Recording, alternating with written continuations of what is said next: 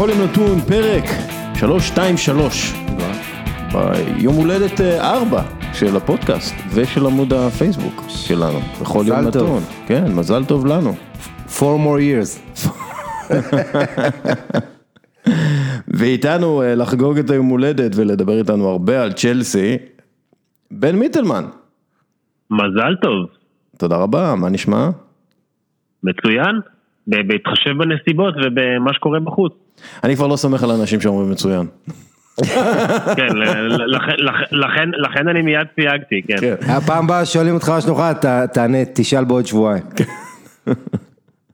קטע שהם גם לא, הם גם אף פעם לא מחכים שבועיים, אבל הם תמיד, תמיד בהתאם לימים האחרונים מתחילים להגיד אוקיי, זה עובד, זה לא עובד, נכון? ואז אתה כאילו מזכיר להם, כמו ילדים מפגרים, שאתם צריכים לחכות שבועיים כדי להבין את התוצאות של צעד כזה או אחר שעשיתם. עזבו, לא ניכנס לזה, זה באמת מדכא. כדורגל, הכדורגל ניצח את העולם, זה מה שאתה אומר לי. ההיגיון פה כן. איבד פשט רגל, וזה מזכיר לנו את הכדורגל קצת הרבה. לגמרי. אה, לפני שאנחנו אה, מתחילים, פינת באמיתי בחסות קפה טורקי עילית, אה, מיטלמן, אני הולך, לך על זה. בגלל שזה ענייני צ'לסי וכאלה, אז עשיתי פיוז'ן, צ'לסי ועוד דברים. אה, אז ככה, אוקיי. אה, הנתון הראשון, הכובש המצטיין בצ'לסי בפרמייר ליג לפני תקופת רומן אברמוביץ' הוא ז'אן פרנקו זולה.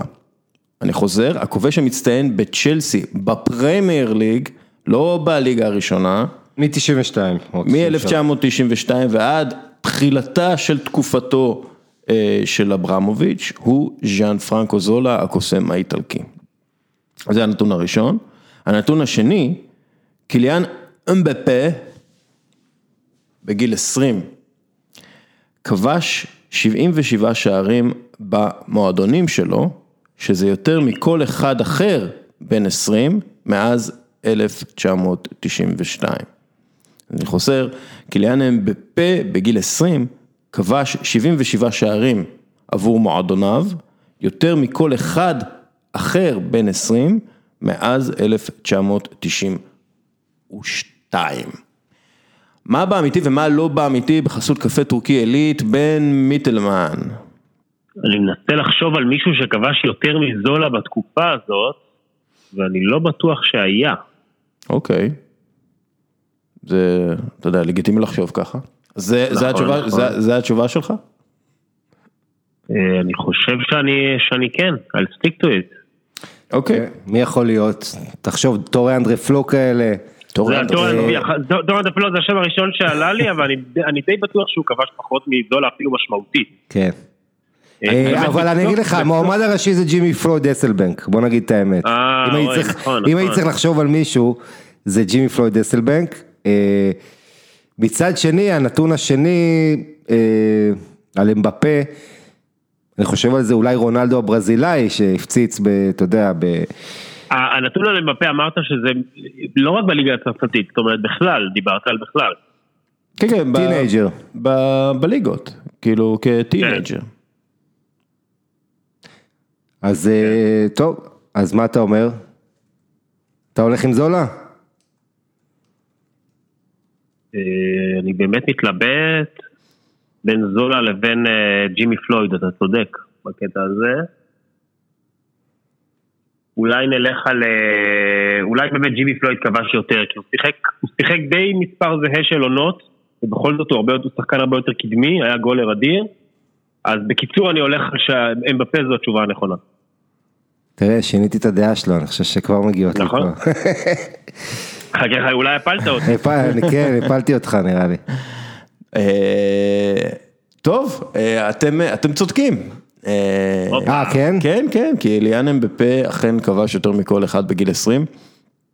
רונלדו הברזילאי כבש הרבה יותר, כאילו מגיל 20 עד גיל 21, הוא פשוט אה, התפרץ אז זה כולל קרוזרו ולפני איינדובן? או כן, ש- כי אני מדבר על הליגה, אוקיי. ורונלדו קבע, בליגה הברזילאית הוא שיחק פחות משחקים פשוט. נכון, אה, שם יש לך את הטורניר, יש את הפאוליסטה הטורניר וכל הדברים האלה. אז בפה אכן כבש יותר אה, שערים אה, מכל אחד, אחר, אה, מאז גם 1992, אז רונלדו לפי דעתי היה בין, בין מ-1992 הוא היה בן 17, כן. כן. אה, אז... אה, לא, במונדיאל ב-94. 94 הוא היה 17, אז הוא כן. היה בן, מתי הוא התחיל לשחק? בעצם ב... כן, כן, לא, רונלדו נכנס לזה. אה, אז הכובש המצטיין של צ'לסי בכל הזמנים, הוא לא אחר מג'ימי פלויד הרסלבנק. אנחנו מדברים על לפני תקופת לפני אברמוביץ'. תקופת רומן, בדיוק. כן, כן. אל תיקח, ללמפרד את מה שמגיע לו. לא, חלילה. אחרי, תקופת אברמוביץ' זה למפרד, דרוגבה ועדן עזר. אה, לפני זה ג'ימי פלויד אסלבנק וז'אן פרנקו, פרנקו זולה. אה, אז אה, עד כאן פינת באמיתי בחסות קפה טורקי עילית, ועכשיו אנחנו נדבר קצת על אה, צ'לסי. לא קצת האמת, נדבר, ננסה להעמיק לתוך המועדון הזה המאוד מאוד אה, מעניין. אה, ואני רוצה להתחיל עם, עם משהו דווקא של אה, פרנק למפרד, על העניין הזה של אה, תמי אברהם, שרצה לקחת את הכדור, אה, כן. לבעוט את הפנדל, אה, והגיע אה, אה, אספיליקווטה, ולקח לו את הכדור, ואמר לו, ז'ורג'יניו צריך לבעוט. ואז אה, פרנק למפרד, סוג של שיבח את, אה, את, אה, את אה, תמי אברהם על העניין הזה, והוא אמר, כן. אני, ולמפרד אומר, אני רוצה מנהיגים, אף פעם לא אכפת לי מקצת קונפליקט, שזה מאוד מוריניו מצידו. אה, נכון. הוא, כלומר אה, תמי אברהם, יכול לקבל קצת בראש. כלומר, הוא, זה, זה לא בעיה. אני מעריך את הרצון שלו להיות בין הכובשים, אבל הוא צר, לא צריך לק- לקפוץ קדימה ברשימה, יש חוקים. ואני תהיתי, מה תהיה ההיררכיה בצ'לסי אחרי כל המעברים הענקיים האלה בעצם? כי אנחנו מדברים על בניית קבוצה מחדש בעונה, אה, בעונה, בקיץ אחד, או לא בקיץ, בחלון העברות אחד. ותהיתי מה תהיה ההיררכיה, ונראה לי שהרגעים האלה די סידרו את ההיררכיה באיזשהו כן. מקום, ודי אה, הקפיצו את אה, צ'לסי, ל... במיוחד אחרי התוצאות של מנצ'סטר סיטי וליברפול, הקפיצו את צ'לסי, לפחות בעיני הסגל, למעין מקום כזה שהם באמת מתחרים על האליפות והם צריכים לשמור על ההיררכיה הזאת ו- ויש איזו הבנה שכל אחד צריך לעשות את תפקידו וכולי והם לא יקרסו לחלוטין אה, בגלל אה, קרבות אגו. זה, זה רק נכון. הדעה שלי, מה, מה, מה אתה אומר על העניין? קודם כל, אני מסכים לגמרי עם מה שלמפרד אמר, כפי שציטטת אותו, זה דבר מעולה שיש אה, גם סוג של טיפה קונפליקטים כאלה, אפילו תוך כדי משחק, ושלא הכל יהיה סטרילי ולא כולם צריכים להיות נחמדים מדי, וזה אחלה, אין שום בעיה עם זה שיש אה, פנדל ופתאום יש את העניין הזה. אני יכול להגיד לך שגם אני כאוהד צ'לסי, כש- כשהייתה את השריקה לפנדל הזה, זה היה הרי פה במצב של 3-0, ותמי היה מאוד טוב באותן דקות ולא כבש שער במשחק. וגם אני ישר קפצתי, נו, תמי עכשיו צריך לבעוט, כי ז'ורג'יניו כבר בעט פנדל חמש דקות קודם, ואז אמרתי, נו, עכשיו זה מגיע לתמי, והוא ישר קפץ ורצה לבעוט את זה, כמו כל חלוץ, למרות שזה לא שהוא השיג את הפנדל, ו... ואז אלפי התערב, אגב, לא ז'ורג'יניו בעצמו, שזה גם אהבתי, זאת אומרת, זה לא היה קרב בין שניים שכל אחד רוצה כן. לבעוט, ואז זה לפעמים נראה קצת מגעיל, נכון? זה, במקרה הזה זה לא היה, ז'ורג'יניו כאילו לא, אמר, אני לא, אני לא רב איתך על זה, אני לא מתווכח, אני לא מתווכח. ואז בא אלפי שהוא הקפטן, ואמר לתמי, ובקטע ראו שלפי השפת גוף זה היה קטע יפה כזה, נתן לו כזה צ'פחה, אמר לו יאללה, שחרר, אתה לא בועט. ותמי לא אהב את זה, אבל מיד אחרי זה נתן כמובן כיפים וחיבק וזה. אני אוהב את זה, אני חושב שזה בסדר גמור. אני חושב שתמי, עם כל הכבוד לזה שהוא מוכשר והוא אחלה ואוהבים אותו, הוא עדיין, אתה יודע, הוא רק עכשיו חזר איכשהו פתאום לתמונת ההרכב אחרי שהיה חשש שהוא לא בכיוון, זאת אומרת, הוא בטח לא באיזה פוזיציה של כוכב שמחליט אם הוא בועט או לא בועט, זה בטוח. ומעבר לזה, אני, אני שמחתי גם בעצם זה שפיליקווטה, מי שזוכר, אחד האירועים הכי מביכים של צ'לסי בשנים האחרונות, דווקא בהקשר הזה של, של מנהיגות, של, אה, של היררכיה, של מועדון שהיה נראה שקצת שוב איבד את הדרך, היה כמובן בגמר גביע הליגה של סארי, עם אה, קפה שלא הסכים להתחלף, אתם כן. זוכרים את זה. כן.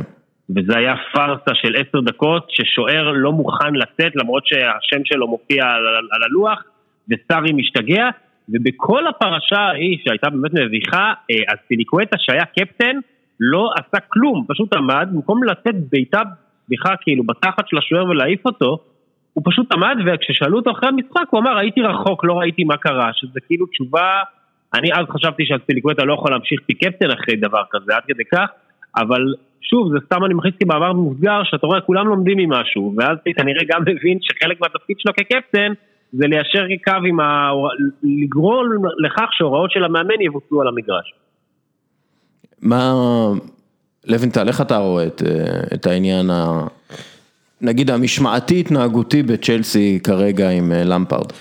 תראה, עונה שעברה למפרד אה, בעצם לא, היה לו יתרון גדול, שבהתחלה חשבו שזה חיסרון, שהוא לא יכול להביא שחקנים, ואז, אתה יודע, לתקשר עם אנשים שבעצם בסיס אנגלי, חלק גדול מהם שחקני בית במועדון, זה היה נוח עבורו, ראו את זה, זה גם התחיל איפה שהוא התחיל, בדרבי, כשהוא אימן שם, בעצם הוא נבנה לקראת זה, אז יצא לו נוח, אבל עכשיו, כשכל כך הרבה שחקני רכש באים, אה, זה נהיה לא פשוט, אני חושב שלמפרד עושה כמה דברים, אם אתה מסתכל ברמה הטקטית, הוא, הוא די זנח, אה, לפחות לפי מה שנראה בפתיחת העונה, את ה-4-3-3, עבר ל-4-2-3-1, אה, שזה קצת יותר, אני חושב, מתאים באמת לחומר השחקנים, במיוחד כשפוליסיק וזייש ייכנסו לעניינים. אה, מצד שני, אתה יודע, המגבלות שלו כמאמן, ובוא לא נשכח, לא ראינו מאמן אנגלי מצליח להגיע ל top ceiling, לרמות האלה של, של מוריניו וגוורדיולה וקלופ, אז האתגר מבחינת למפרד מאוד מאוד גדול, אה, והלחץ עליו גם, אני חושב שזה באמת אה, לא פשוט, תחשוב על זה שכל הקיץ שמענו שג'ורג'יניו בכלל רוצים אותו באיטליה, והוא אומר או יחזור ליובה, זה עוד שסארי היה שם. אחרי זה דיברו על אינטר ודיברו על עוד קבוצות, בסוף הוא נשאר בקבוצה והוא הפנדליסט והוא השחקן שהכדורים עוברים דרכו, אז יש לי לא מעט שאלות גם על המעמד של לאמפרד במועדון, ואני מדבר מבחינת האנשים שקובעים, אברמוביץ' וגרנובסקיה, כמה גיבוי הם הולכים לתת לו, אם תוצאות לא ילכו, כי השנה יש ציפיות מהקבוצה עם כל הרכש וההשקעה, ודבר שני, היכולת שלו, אה, מאמן יחסית טירון, בואו נגיד עדיין, אה, יש לו איכויות והכל, אבל זו התמודדות לא קלה. אה, הרבה שחקנים, ולמפרד יודע את זה טוב מאוד, לא מרוצים אם אתה לא נותן להם לבעוט פנדלים, אתה לא נותן להם לשחק את הדקות שהם רוצים. אה, וזה בהחלט יעשה אותו מאמן יותר טוב לגבי העתיד, יחד עם זאת זה בעיניי חושף איזשהו בעיה אולי של סמכותיות, אתה יודע, זה לא, בוא נגיד ככה, זה לא good optics, זה לא נראה טוב, כשמאמן צעיר אה, על הקווים ויש לך קצת בלאגן על המגרש, אין לך היררכיה ברורה, הוא רוצה לבעוט פנדל, הוא זה, למרות שכמו שבן ציין זה ב-3-0, הגיוני שאתה יודע, שחקנים אחרים ירצו, ואז זה יכול לקרות, אבל אתה יודע, עוד פעם, אני לא חושב ש... זה יכול לקרות גם בקבוצות אחרות, אבל אני לא חושב ש... אז רגע, אני, אני, יכול, אני יכול להגיב על זה? כן. אני אומר שני דברים, קודם כל אה, לגבי הדבר הראשון שאמרת, שזה אולי כאילו, אתה יודע, בכלל בהקדמה לעונה, עוד אה, דיברנו על זה המון, אה, אני חושב שגם בפוד הזה, לגבי העונה, הרכש הגדול של צ'לסי, מבחינת למפרד אין מה לדבר, שזה ברכה וקללה ביחד, זה ברור.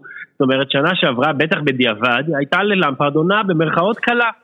ולא היו ציפיות, אגב, בתחילת שנה שעברה, צ'לסי בשום מקום של סוכנויות הימורים לא הייתה בטופ 4, זה קשה לשכוח, אבל הוא עשה, הוא עשה טופ 4 וכמעט כל העונה הוא היה בתוך, בתוך הטופ 4 ובלי אה, אפשרות לרכוש שחקנים וכולי. השנה זה לגמרי לגמרי משחק חדש, הלחץ הוא עלה בצורה אבסולוטית ברמה כזאת שהרבה אנשים טוענים שהוא צריך לקחת אליפות כבר העונה, לא משנה, אפשר גם לדבר על זה, אבל הציפיות הן אחרות לחלוטין, ומבחינתו זה, אין לי ספק שזה הרבה יותר קשה. זאת אומרת, עבור מאמן, בטח צעיר, בטח בלי הרבה ניסיון, יותר קל לאמן עונה כמו עונה שעברה, ונדמה לי גם דווקא כשעשיתי את ההגבלה הזאת אצלך, שאמרתי שזה דומה קצת לדייוויד בלאט ב-NBA, זה מזכיר לי שכשדייוויד בלאט קיבל את קליבלנד, ידעו שזו קבוצה צעירה, שאין לה ציפיות לפלייאוף, והיה אחלה בתור מאמן שפעם ראשונה מקבל משרה של מאמן ראשי ב-NBA, זה עבודה מעולה בשביל אה, לבנות את עצמו גם ולזה, בתוך כמה שבועות הוא מקבל את לברון ג'יימס לקבוצה ואת קווין לאב, והכל השתנה ב-180 מעלות, ובדיעבד זה גם מה שהפיל אותו. אה, זה בעולם אחר. עכשיו לגבי הדבר השני של, אה, של הסמכותיות של למפרד, תראה, אני באמת חושב, לדעתי, אני לא, לא, אני מבין שזו דעתך הכנה, לבנטל, אני חושב שזה ללכת לקלישאה שבגלל שהוא מאמן צעיר, ובגלל שאין לו הרבה ניסיון, אז אין סמכותיות, ואם יש איזה משהו, אז ישר קופצים, אין לו סמכותיות, גם למפרד ידוע כאיש נחמד, הוא כזה לא, אתה יודע, הוא לא כזה bad boy כמו איזה רוי קין כזה, הוא, הוא כאילו אחד ש, שנחשב כזה יותר ילד טוב. אה, ולכן קל להדביק לו, אבל אני ממש לא רואה את זה ככה, אני חושב שגם מאמנים שוב ותיקים, הכי ותיקים והכי כל מיני בניטזים ואנצ'לוטים וסארים, אז עושים להם שכונה הרבה יותר מאשר שעושים לו, כי, כי הם יותר מבוגרים וכולי, ורניירי ו- ומי שאתם לא רוצים. ואני חושב שדווקא, נכון שאין לו ניסיון כמאמן, אבל זה שלמפרד, בטח במועדון הזה, אבל לצורך העניין גם לא משנה אם הוא היה מאמן או קבוצה אחרת, זה שלמפרד כשחקן אה, הגיע לכאלה הישגים והוא כל כך מכיר חדרי הלבשה כשחקן ברמות הכי גבוהות כל כך הרבה שנים, זה נותן לו יתרון לדעתי בכל הטיפול בעניינים אה, של צעיר שמתבאס שהוא לא משחק, או זקן שפתאום אה, מתנדנד בין ההרכב לספסל, זאת אומרת הדברים האלה, לאור זה שכולנו מסכימים שיש לו אינטליגנציה רגשית מאוד גבוהה, זה הדבר כן. האחרון שאני דואג לו, זה לא אומר שלא יכולות להיות בעיות, אבל אני- אבל אני- אני ממש לא כשאתה לא מביא הולך שחקנים למקום הזה. ב-80 מיליון יורו, כמו הייב הוורץ, אז המאמן פתאום נהיה יותר חליפי, ו- זאת אומרת, אתה יודע, כשאתה משקיע כל כך הרבה בשחקנים, אני- אז אני- אתה מצפה מהמאמן להוציא מהם ויש עליו יותר לחץ, אני ש- חושב שכאילו הרבה, לפי הדיווחים אה, ש- שהגיעו מהצד של שחקני צ'לסי, היה, אה, היה להם קשה לעבוד עם, עם סארי. עם מאוריציו סארי, אה, האימונים נכון. היו רפטיטיביים, המתודות משעממות, הם, אגב, אה, התקשורת הייתה לא טובה, הוא לא דיבר איתם מספיק, ויותר מזה גם אה, הרבה מהם, היה להם בחילה מהסיגריות שלו, גם שמענו את זה אחר כך ביובנטוס מקליני. אה, ו- ולמפארד הוא בדיוק ההפך במובן הזה מ- מסארי, הוא מאוד קומוניקטיבי, הוא מאוד מדבר, הוא מאוד מחבק ומאוד שם דאודורנט. שם דאודורנט. לא, והשחקנים גם התחברו אליו יותר בגלל שהוא אה, פרנק אה, למפארד, אה, והרבה מהם גדלו עליו, וראו אותו והסתכלו עליו והריצו אותו, אפילו אם הוא לא היה השחקן האהוב עליו. עליהם, הם, הם ידעו מי זה פרנק למפארד והם רצו להיות כמו פרנק למפארד ואז התקשורת אה, זורמת הרבה יותר ואנחנו ראינו את זה, הקבוצה הייתה שמחה יותר, משחקת כדורגל אחר. מצד שני, אגב, אני, אני חייב להגיד אנקדוטה בעניין הזה שנזכרתי תוך כדי שאנחנו מדברים. כשהוא אימן את דרבי שנה, לפני שתי עונות, אז הוא אומר שמההתחלה הוא אמר open door policy. כל שחקן שרוצה אה, להיכנס אליי לחדר לפני או אחרי האימון מוזמן, אין שום בעיה. ואז הוא צחק ואמר, טוב, הם לא, אה, כאילו אשכרה ליטרלי כל יום חיכו לי שלושה שחקנים ליד הדלת ורצו לדבר, למה לא פתחתי אתמול, האם אני פותח בשבת, האם אני פותח בראשון, והוא אמר, טוב, הבנתי שזה לא, לא עובד ככה, אני לא יכול לדבר כל יום עם, אה, כמו אה, אספת הורים, אז גרמתי לכך שזה, שהם יבינו שהדלת פתוחה, כן, אבל בתנאים מסוימים. אז כן, זה גם כן דברים שלומדים, אני מסכים. כן, אבל, אבל אנחנו רואים שהעונה שעברה, כלומר נתנו לו פס, באמת, גם כן הם לא היו, הוא כאילו עשה יותר ממה שמצפים בו ממנו, הוא, אבל... הוא הצליח, הוא, הוא הוא הצליח, אה, אבל- הוא שנה אבל- שעברה. כן, אבל- מה זה פס? הוא הצליח מעל הציפיות. נכון? אבל היה לו פס בגלל שהוא קיבל פחות נקודות, מ, הוא השיג פחות נקודות מסארי והוא לא זכה בשום תואר. עכשיו, נכון, בגלל העניין הזה שלא היה רכש ומכרו את עדן עזר, אז אמרו אוקיי בסדר, אבל עכשיו, עכשיו, גם כשפטר צ'ך המנהל הספורטיבי הוא חבר שלו ועובד איתו וכולי, וגם אה, אה, מרינה גרנקוב, גרנו, גרנובסקיה, היא אה, מאוד מכבדת אותו ומאוד אוהבת אותו וכולי. תקשיב, אם רומן אברמוביץ' רואה שהקבוצה הזאת שהוא השקיע בה 200 ומשהו מיליון אה, לירות סטרלינג, לא מתחרה על האליפות, או לא עושה מה שהוא רוצה לעשות, אז כאילו עם כל, ספק. עם כל הכבוד ללמפרד והנחמדות שלו והתקשורתיות שלו, הוא עף ופוצ'טינו מגיע במקומו, מי שזה לא יהיה שהוא הדבר החם הבא שאברמוביץ' רוצה. אה, אז, נכון. זה, אז זה חשוב, ואני חושב, אגב, אני חושב שגם למפרד מודע לזה לחלוטין, כלומר זה לא משהו שהוא יפתיע אותו אם אה, זה יהיה הדיבור. דרך אגב, אני צריך נכון. לתקן, אני צריך לתקן משהו. אמרתי מ-1992, בזה, זה מ-1995. או, אז זה יותר מסתדר. כן, זה מסתדר, אני, אני הטעיתי אתכם, אבל בכל מקרה, אה, הטעת אותנו בגלל זה צדקנו. כן, אבל בכל מקרה צדקתם, אה, פשוט אה, 1995, אה, כתבתי את זה כ-92 ובדקתי מ-95. אה, קורה. אמ, כי אני פשוט יודע שיש אנשים שעכשיו הם, אתה יודע, הם עצבניים, כי הם בדקו עכשיו באינטרנטים, ורונלדו כבש יותר מ-MBP בגיל 20, איזה זה שלושה שערים יותר או משהו כזה, אוקיי. אמ, בוא, אה, עוד איזה משהו על, על בעצם על המעמד של למפארד, תראה, אני חושב ש...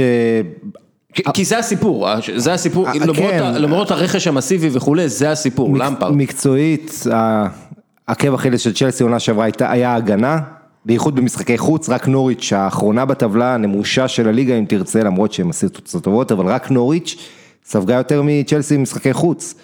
אה, ההגנה, החיזוק בעונה הזאת, בעיקר בצד ההתקפי, הצד של הברק, ורנר והוורץ וזייש, ואתה יודע, שחקנים שה...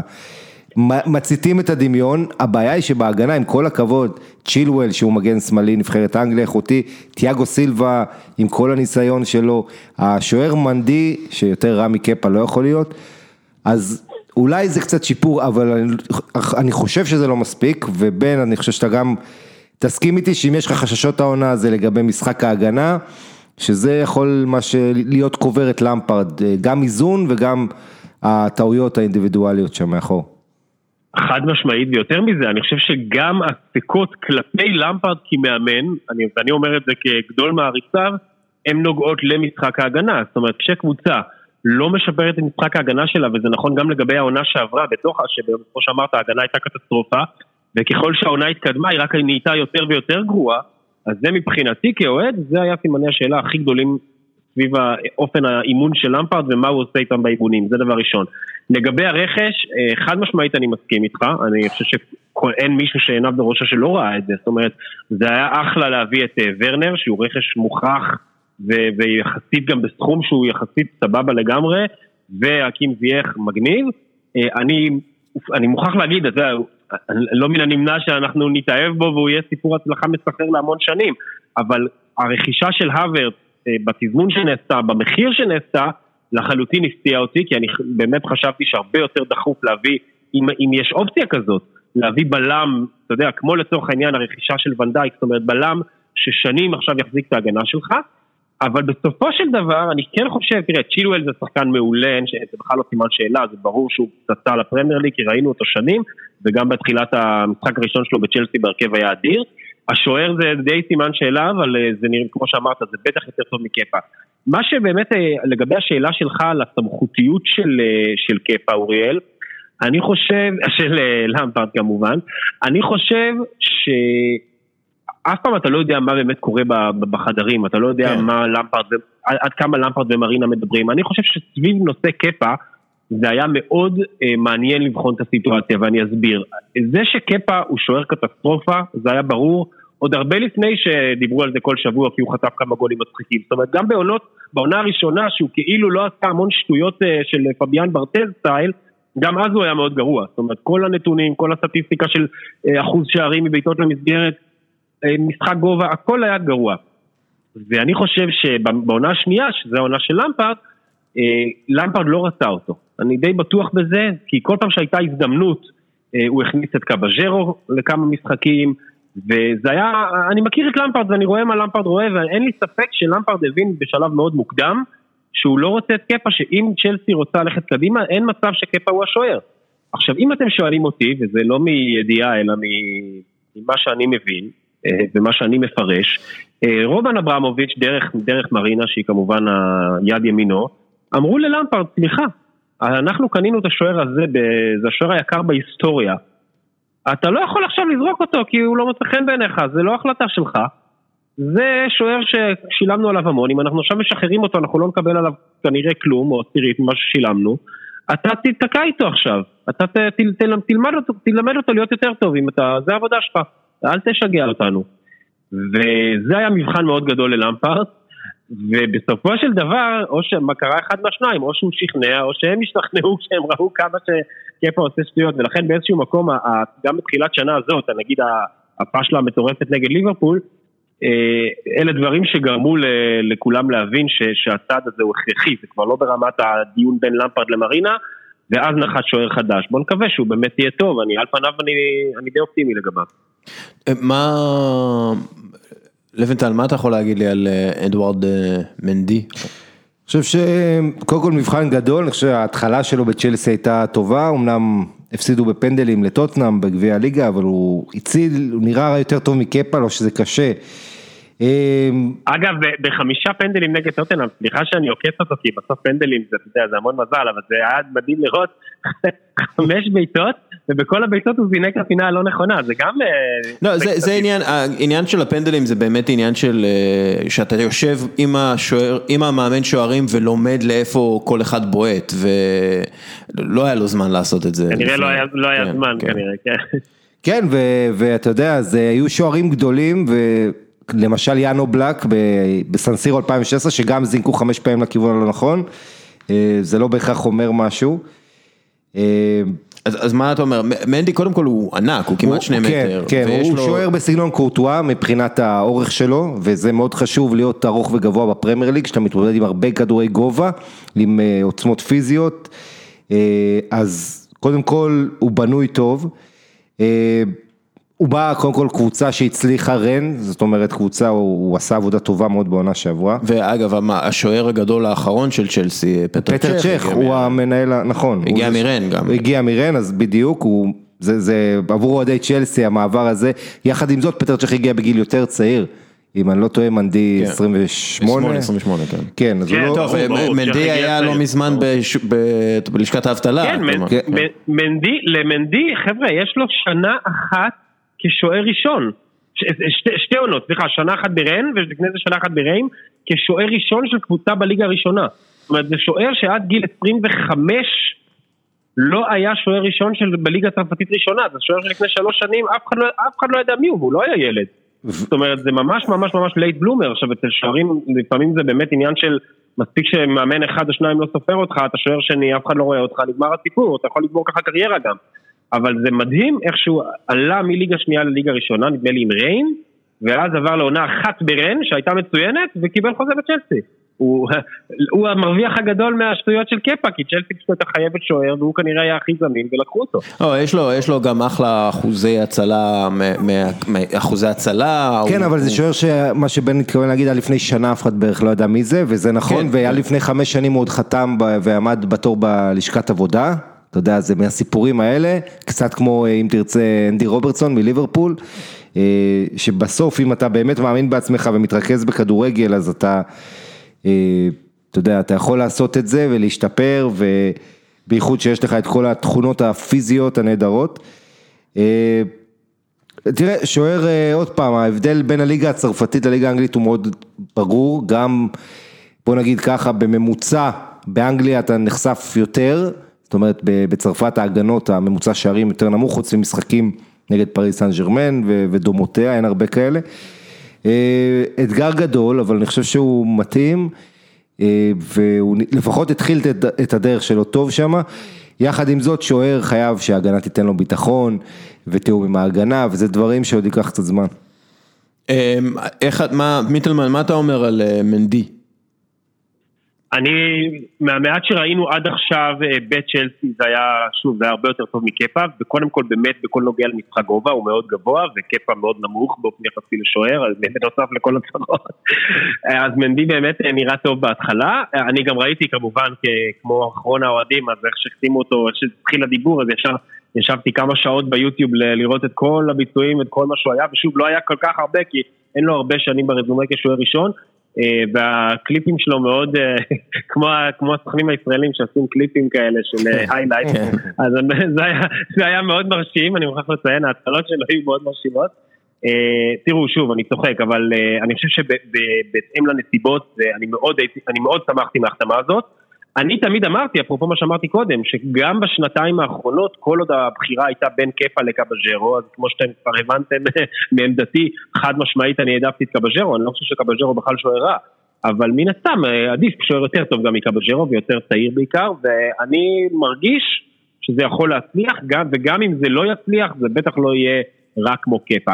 מעבר לזה, אני עוד, עוד מילה לגבי ההחלטות הפרסונליות של למפרד, כי קרו פה עוד דברים מעניינים בקיץ הזה, והדבר הכי מעניין שקרה די ברגע האחרון, אחרי שכבר העונה התחילה, זה שלמפרד מחק את רודיגר.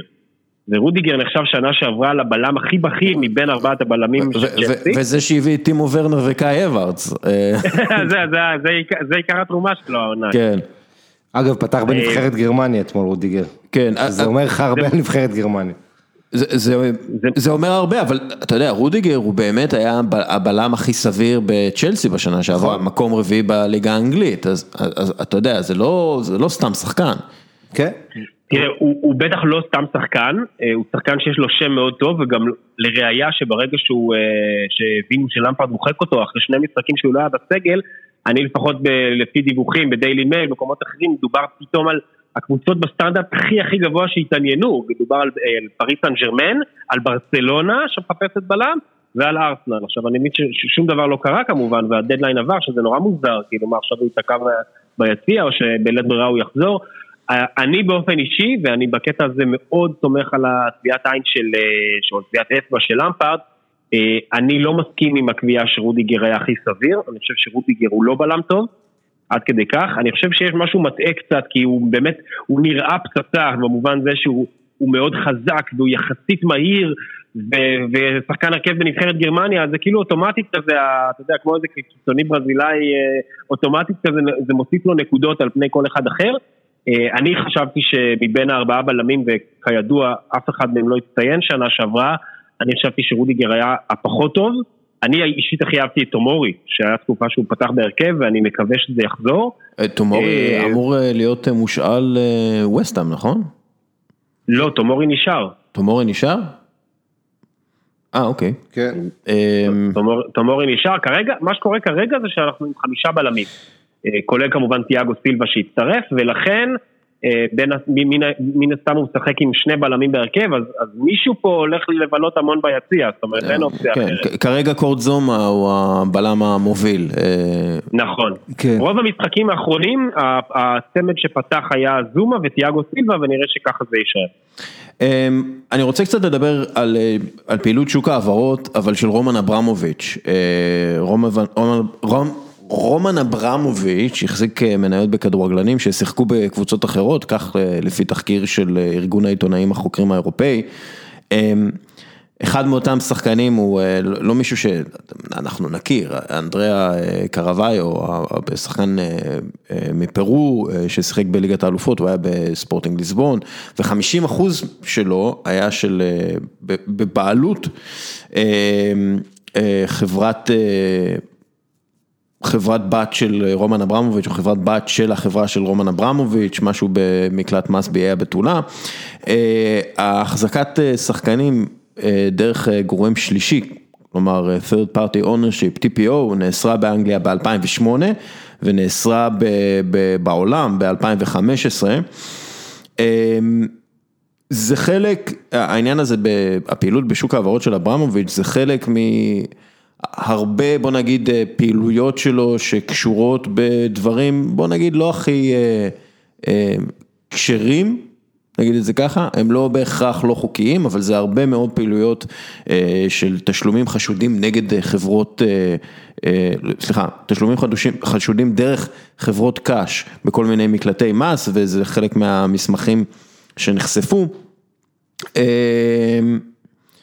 המסמכים האלה שנחשפו דרך אגב מראים איך בנקים מרכזיים בכל העולם נותנים לכסף שחור להיכנס לתוך המערכת והם בעצם מלבינים אותו אה, ורומן אברמוביץ' שהרוויח את כספו בכל מיני עסקאות אה, מאוד מפוקפקות בזמן אה, התפרקות ברית המועצות, לא, יש לו הרבה מאוד כסף. והוא השתמש בחלק גדול מהכסף הזה כדי להשקיע בשוק העברות השחקנים, כי זה שוק עם תשואה גבוהה, וזה שהוא היה בעלים של קבוצת כדורגל, זה לא, אולי לא השפיע על המהלכים שלו בתוך שוק העברות השחקנים, אבל יש פה, אה, יש, יש פה ניגוד אינטרסים גדול. ו, ולכל זה אני רוצה לקחת את השאלה, אנחנו יודעים מה רומן אברמוביץ' רוצה כרגע מצ'לסי? כלומר ההשקעה הגדולה הזאת, זה השקעה בגלל שהוא רואה נכסים זולים יחסית בגלל המצב, ולכן הוא אומר יאללה בוא נביא אותם והם יהיו אצלי והם יהיו בצ'לסי וצ'לסי תצליח איתם ואז אולי נמכור אותם. ו... אולי זה, או שהוא אומר, לא, אני פה רוצה להראות שאני בצ'לסי, אמנם אני לא יכול להגיע ללונדון בגלל שאסור לי, אבל אני אה, אכבוש את אנגליה מחדש אה, ואעשה נע בעין לכל האנגלים. כלומר, איפה, איפה רומן אברמוביץ' בכל הסיפור הזה? אני חושב, קודם כל לגבי מה שאמרת, אין ספק שהרבה, זה הרבה שאלות שצריכים לחקור אותן וטוב שחוקרים אותן, אבל אתה יודע, מה שלא אסור מותר, זה מה שלימדו אותי, והאם אנחנו חיים בעולם שבו נשיא ארצות הברית אה, מתגאה בזה ששנים הוא מתחמן את המערכת ומצליח לשלם אפס מס למרות שהוא חי חיי פאר של, של אה, אוליגר, ואין בזה שום רע, ולהפך, המצביעים שלו גם אוהבים את זה, והתומכים שלו אוהבים את זה, אז אה, זה לא שונה בהרבה. אה, צ'לסי מבחינת רומן אברמוביץ' זה עסק מסוים שבו הוא... מנסה, או בכלל הפעילות שלו בכדורגל העולמי, שבו הוא מנסה לנצל את האינטרסים שלו לטובת האינטרסים של עצמו. אף אחד לא חושב שזה גם אה, בהכרח פילנטרופיה. אה, מעבר לזה שהוא באמת אה, מסב הנאה לאוהדים של קבוצה ספציפית, עם כל הכבוד. מה רומן אברמוביץ' רוצה זו שאלה שטובי האנשים בעולם מנסים לפענח כבר 20 כמה, 30 שנה כמעט ולא מצליחים להבין, או 20 שנה כמעט. התחושה הייתה בשנים האחרונות שהוא מאבד עניין, זאת אומרת התחושה בטח ובטח כשאז הגיע הטאקל הגדול מול הממשלה באנגליה, בבריטניה התחושה הייתה ש... הטאקל הגדול שנובע מהקרבה שלו לוולדימיר פוטין ובעצם אה, נכון. ולדימיר פוטין הרעיל נכון. לאנשים באנגליה ובריטניה בעצם יצאה למלחמה. על פי פרסומים, על פי פרסומים זרים. כן. ואז, ואז באמת אה, בריטניה החליטה, אתה חבר של פוטין אז אין שום בעיה אז בוא נתעסק לך בעניינים של מיסים ובוא נתעסק בדברים אחרים. והוא לא יכול היה להיכנס לשם. אגב, אני יודע שהיום הוא כן יכול להיכנס ללונדון והוא לא רוצה, זאת אומרת, יש קטע שעכשיו כן, אה, לא יעצרו אותו אם הוא נכנס או משהו כזה. אה, או, או, וגם, וגם אין עניין של אה, אי, אי אפשר, זאת אומרת הוויזה, מש, הבעיה העיקרית הייתה שלא, שלא הייתה לו ויזה ובעצם איצו אותו לצאת. אני הבנתי שעכשיו העניין של הוויזה נפתר, זאת אומרת הוא יכול להיכנס בתוך שדה התעופה אבל הוא לא עושה את זה. בהקשר של הכדורגל של צ'לסי, התחושה הייתה במשך כמה שנים שהוא איבד עניין, וזה בא לידי ביטוי בתחומים, זאת אומרת, הרי בתחילת השנים של אברמוביץ' בצ'לסי, צ'לסי הייתה הקבוצה הכי עשירה, הכי יקרה, שכל שנה הולכת על אליפות, ובשנים האחרונות זה כמובן לא היה המצב, למרות שתי אליפויות וכמה הבלחות, אז צ'לסי כבר שילמה באופן ניכר משכורות פחות מאשר קבוצות אחרות גם באנגליה, ובטח אם אתה מסתכל על כוחות אחרים שצמחו באירופה, ודווקא בגלל זה כל מה שקרה בקיץ הזה כל כך מפתיע. כתבתי על זה פוסט מאוד מאוד ארוך עם כל הסיבות שאני חושב שאברמוביץ' עשה את זה, אה, מעבר לעניין אז, הכלכלי אז בוא, שאני חושב, ש... אז בוא, אני אגיד את זה ממש בקצרה, מעבר לכדאיות הכלכלית שלפי דעתי היה פה עניין שכל הקבוצות היו רדומות בגלל הקורונה וצ'לסי ש... שהייתה חייבת מקצועית חיזוק, החליטה שדווקא זה בדיוק הזמן לעשות את החיזוק הזה כי גם ה-value של השחקנים באופן יחסי יורד וזה הזמן הנכון, אבל מעבר לזה אני יותר מכוון לשאלה שלך, אני כן חושב אה, שבאיזשהו מקום הם פגעו באגו של אברמוביץ', הם אמרו לו אתה לא רצוי כאן, אתה לא תעשה פה מה שאתה רוצה, והוא אמר להם וואלה ככה? אין שום בעיה, אז בוא, בוא, בוא אני חוזר להיות מי שהייתי, אני כן שולט פה, ואני כן אקנה, אקנה את מי שאני רוצה, ואני כן אראה לכם כמה כסף יש לי, ואני כן אחזיר את הקבוצה שלי להיות הקבוצה הכי חזקה. מאוד יכול להיות שזה היה חלק מהעניין. לוינטל.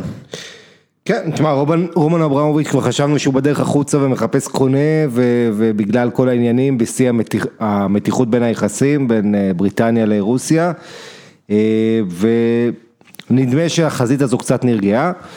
אברמוביץ' יש לו הרבה פעילות שיודעים עליה מעט, אה, מעט מדי, ומדי פעם נחשפים כל מיני דברים, למשל, התרומות שלו בארץ, תרומות בסך הכל בשיעור מאוד גבוה שהולכות גם למטרות פוליטיות מסוימות, אה, התיישבות וכאלה, גם למדעים, ננו-טכנולוגיה, כל מיני דברים. אה, אה, התיישבות יהודית במזרח ירושלים. כן, גם, גם לזה, ואתה יודע, אני לא יודע למה, לא יודע בפירוט את כל התרומות לאן הן הולכות, אף אחד, לא חושב שיש מי שיודע, יש הרבה יותר, אתה יודע, הרב נסתר על הגלוי במקרה הזה, הרבה יותר דברים שאתה לא יודע. אה, אני זוכר שעשו עליו תחקיר ופנו אליי ופנו להרבה עיתונאים והיה נורא נורא קשה לעשות על האיש הזה תחקיר, לדעת בכלל איפה הוא נמצא רוב הזמן, יש לו מעטפת אה, סביבה ששומרת על, ה, על, הסודיות, על סודיות בכל מה שקשור לאברמוביץ' וההתנהלות שלו. אה, אתה יודע, התנהלות שכזו של האוליגרכים. אני, אני אגיד לך, העניין הזה עם...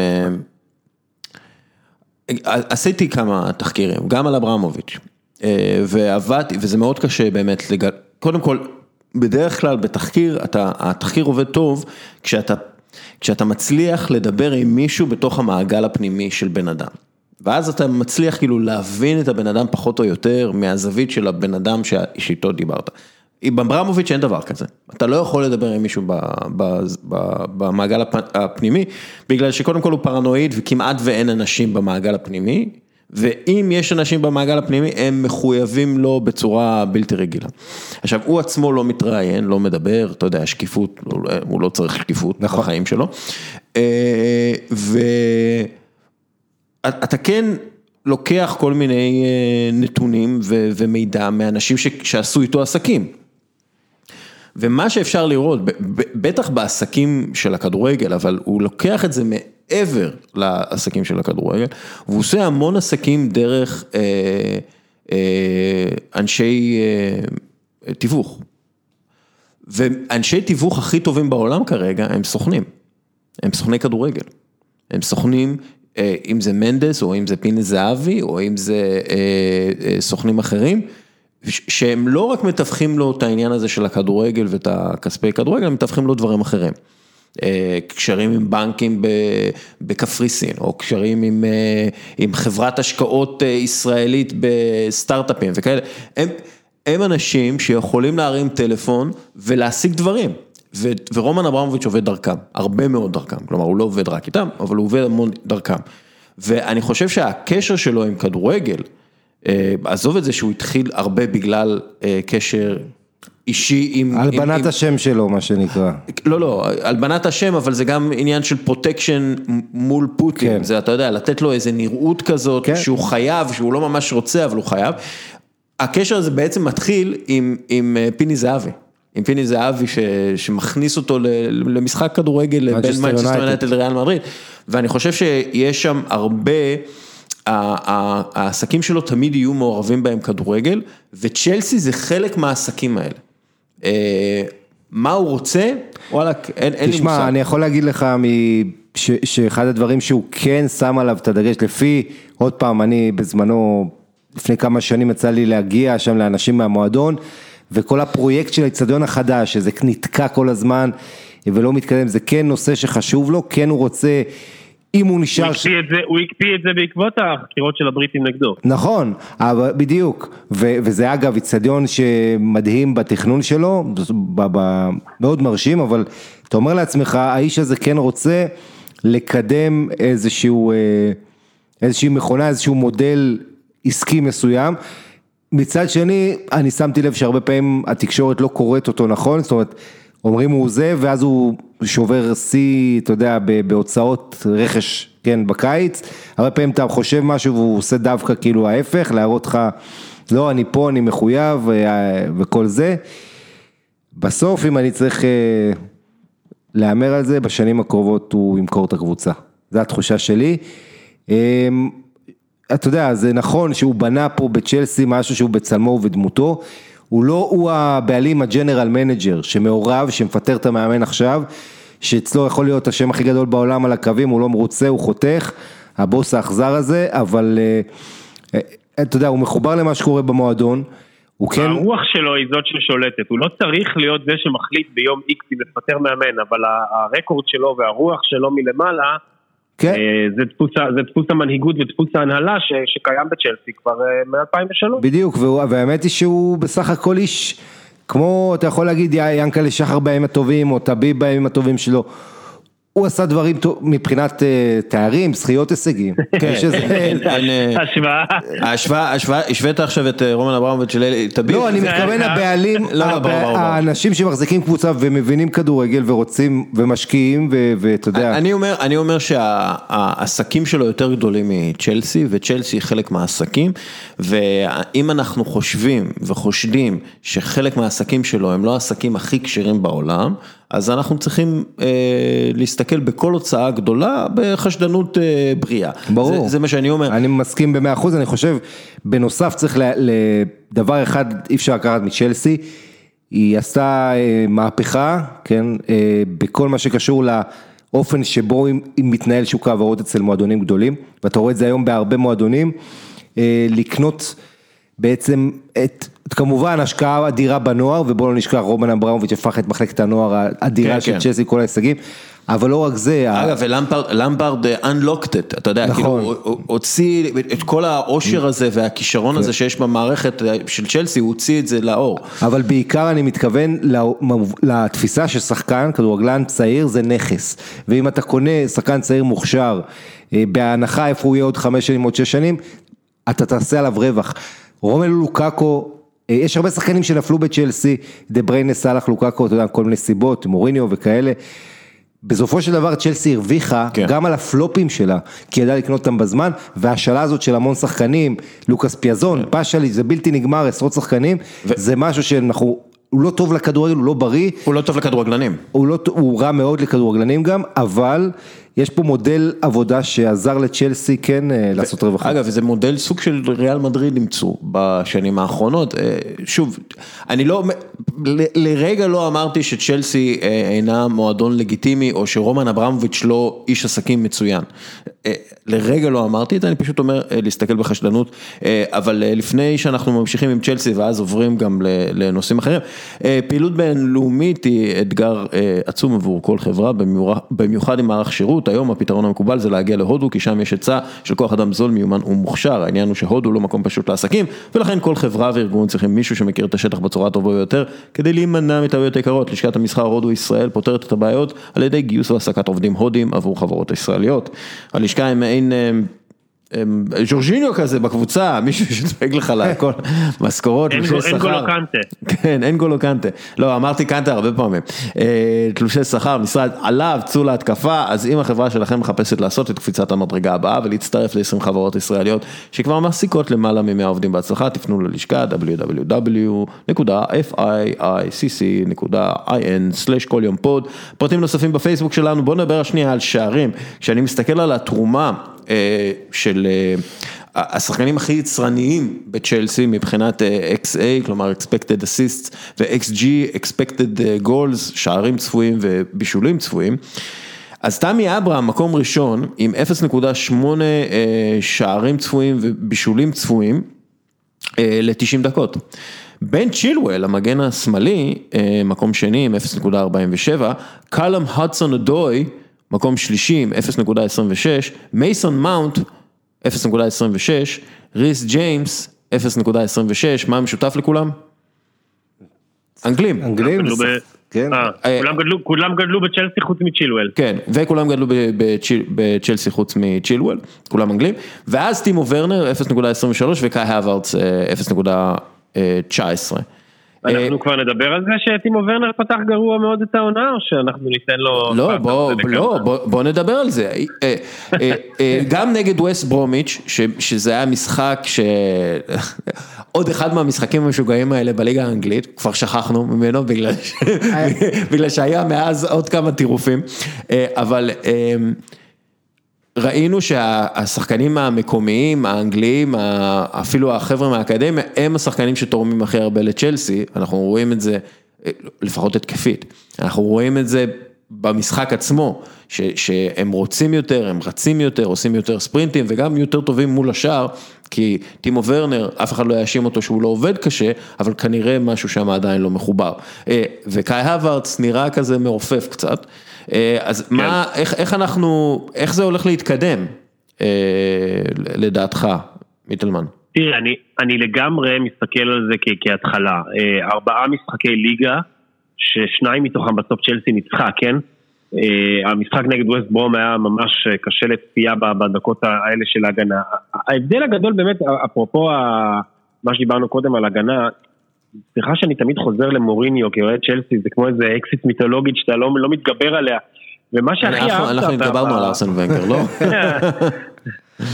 אה, טוב, ארסן ונגר, טוב, לא, לא נפתח את זה, לא נפתח את ההבדל בין האקציות, אבל אה, אצל מוריניו תמיד הרגשת שיש לך איזה מין ביטחון כזה, שאם הקבוצה נהיית קצת שייקית, משחק אחד, שניים, אז האופציה של לסדר את ההגנה ולהגיד להם, אוקיי, הבנתי אתכם, עכשיו משחק, שני משחקים הבאים, אני לא רוצה לראות בעיטה למסגרת שלנו, זה משהו שתמיד קיים כאופציה, כאילו, אם אתה, כמו מורה שאומרת, אם אתם לא רוצים את זה בכיף ובסבבה, אז אפשר לחזור לקשיחות ושאף אחד פה לא יחייך. אה, בימים שעוד מורים אה, היו יכולים לשלוט על תלמידים, כן? ההבדל בתקופה של למפרד זה שאתה תמיד מרגיש כאילו, זה בדיוק ההפך, זה כל משחק הוא תאונה שעומדת להתרחש, וזה לא משנה אם זה נגד קבוצה קטנה או קבוצה גדולה, ההגנה יכולה להפיל אותך. וזה מאוד מקשה גם על השחקני התקפה, גם עצם הידיעה הזאת וגם אה, התוצאה כשאתה חוטף שלושה גולים מווסט ברום ב-30 דקות, אז אחר כך קשה גם קצת לבוא, ב, לבוא בטענות לשחקני התקפה. אה, אני מסכים שעד עכשיו אה, ורנר גרוע, זאת אומרת עד עכשיו הוא היה לו גול אחד בגביע הליגה, גול נהדר נגד ספיירס, אבל בליגה הוא לא היה טוב, הוא לא מצא את עצמו, הבעיטות שלו לא נכנסו, בגרמניה זה לא היה קורה כמעט ארבעה משחקים שהוא לא כובש, אבל אני באמת, אנחנו בפודקאסט הזה אנחנו סבלניים, נכון? אנחנו לא חורצים גורלם של אנשים מהר, וזה לגמרי לגיטימי, ואני לא, אתה, אתה, אתה, אתה, אתה תתפטר אם זה לא קורה, מיטלמן. בדיוק.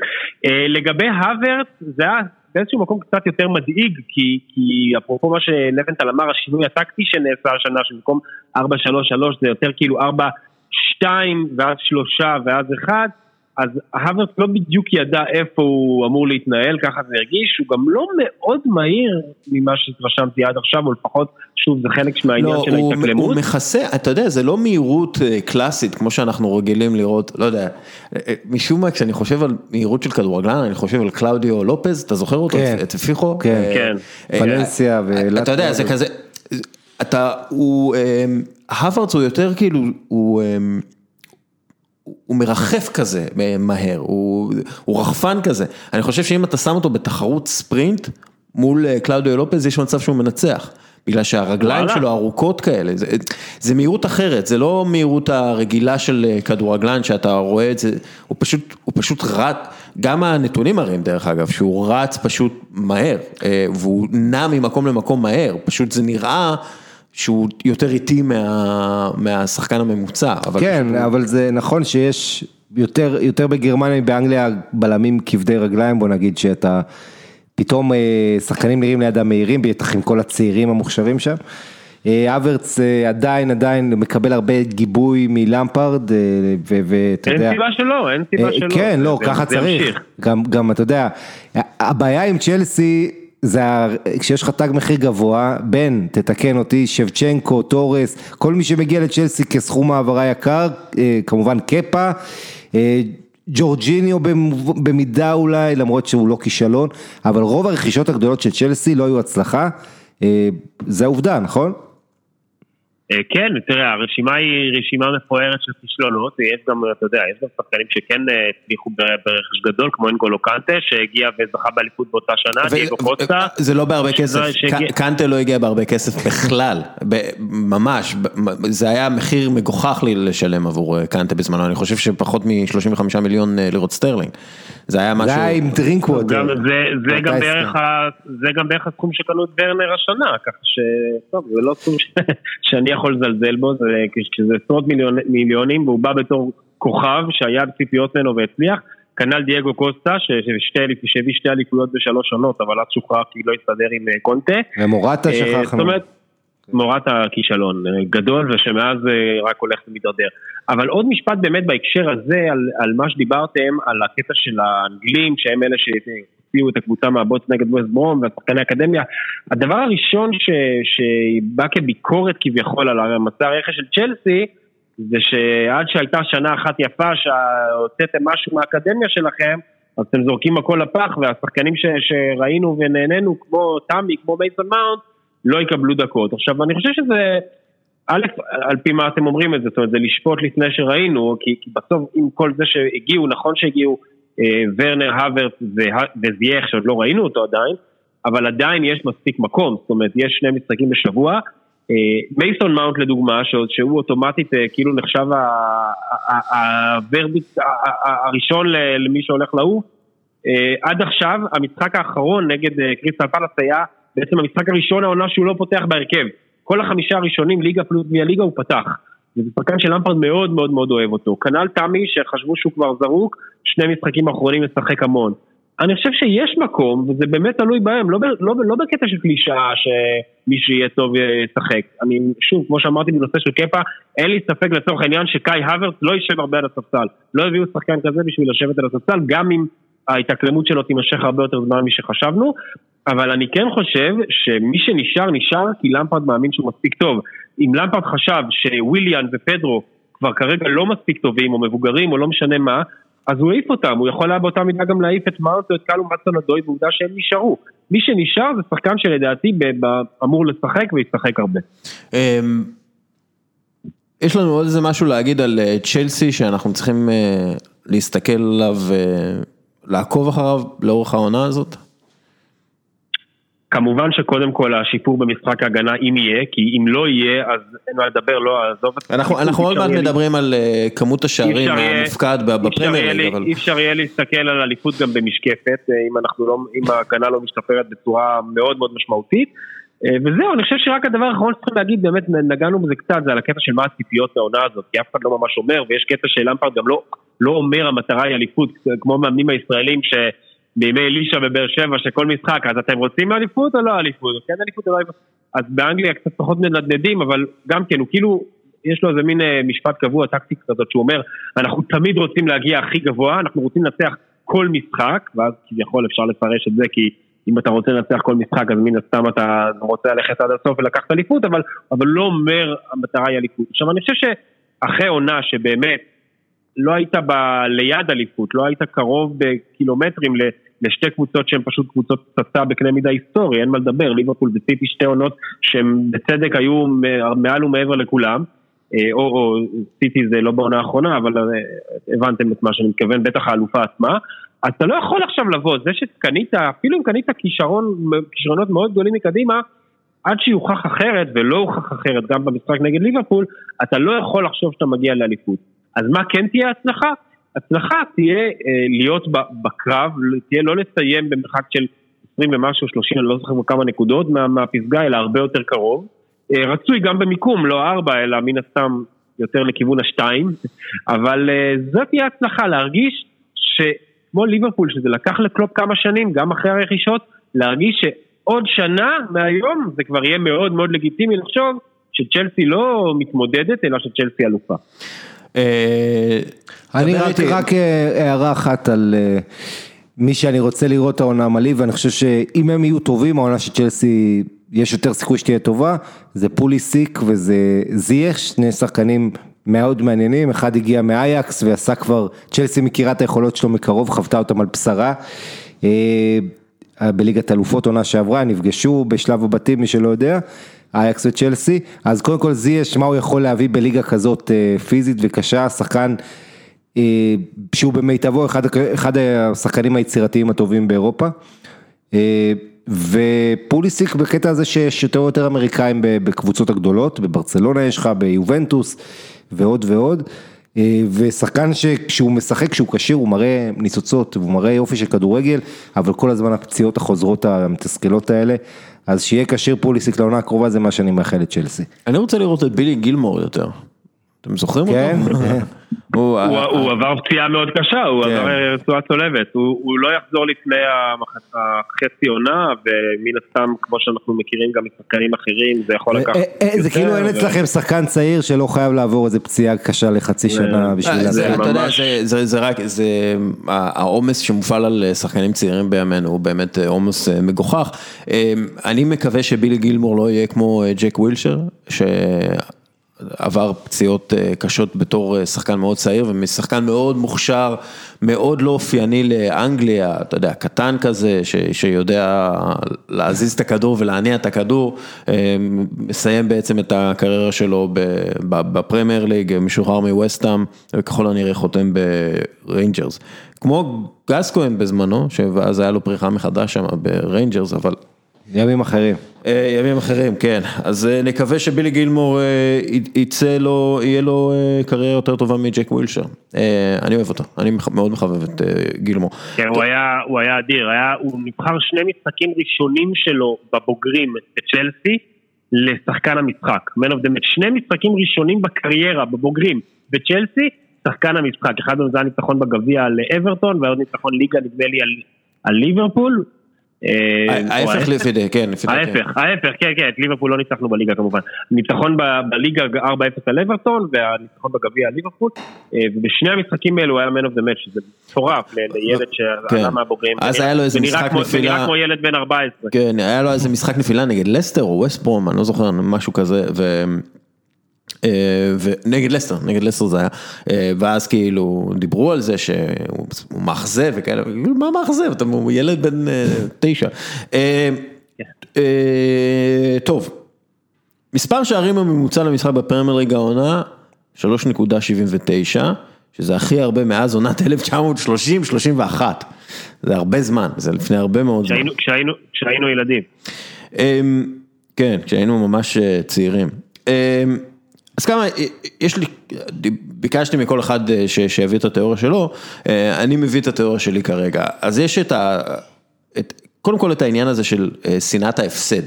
שנאת ההפסד זה, זה מושג שה, של הפסיכולוגים הישראלים עמוס טוברסקי ודניאל כהנמן, שהוא מדבר על הנטייה של אנשים להעדיף אה, את ההימנעות מהפסד מאשר השגת הרווח. שנאת ההפסד מה שנקרא, ומחקרים אה, פסיכולוגיים מראים ש, שאנחנו יותר שונאים להפסיד מאשר לאהוב לנצח. ואנחנו צריכים לשנות את זה כשאנחנו אה, מדברים על השקעות או מדברים על אה, השקעה באיזשהו מיזם שלנו, אנחנו צריכים לאהוב לנצח או לאהוב להפקיע, אם אנחנו מטמיעים את התפיסה הזאת בכדורגל. אז הרבה מאמנים בימינו קוראים סטטיסטיקות וגם קוראים מחקרים בפסיכולוגיה התנהגותית והם מבינים שהסיכון משתלם, הם מסתכלים את ביירן מינכן ורואים שביירן מינכן משחקת כדורגל כביכול מאוד מופקר עם קו הגנה מאוד גבוה ומאוד מסוכן ומצליחים. אז דרך אגב גם השחקנים של ביירן מינכן מדברים על, כן זה סיכון, אנחנו משחקים כדורגל מסוכן וזה בסדר כי אולי יכבשו נגדנו שלושה אבל אנחנו נכבוש רביעייה. עכשיו יותר מזה תנועת האנליטיקס בארצות הברית יצרה כדורסל התקפי יותר, למה? בגלל שזורקים הרבה יותר לשלוש, למה? כי המתמטיקה מאוד מתוחכמת של אנשי הכדורסל וחנוני הכדורסל מראה לנו ששלוש שווה יותר משתיים. ואז אנליטית זה חכם יותר לזרוק משלוש ולהחמיץ שש מעשר מאשר לזרוק מחצי מרחק ולהחמיץ חמש מעשר. כלומר עדיף לזרוק משלוש בגלל שמספרית זה מסתדר לך ואתה תקלע יותר נקודות שאתה זורק משלוש.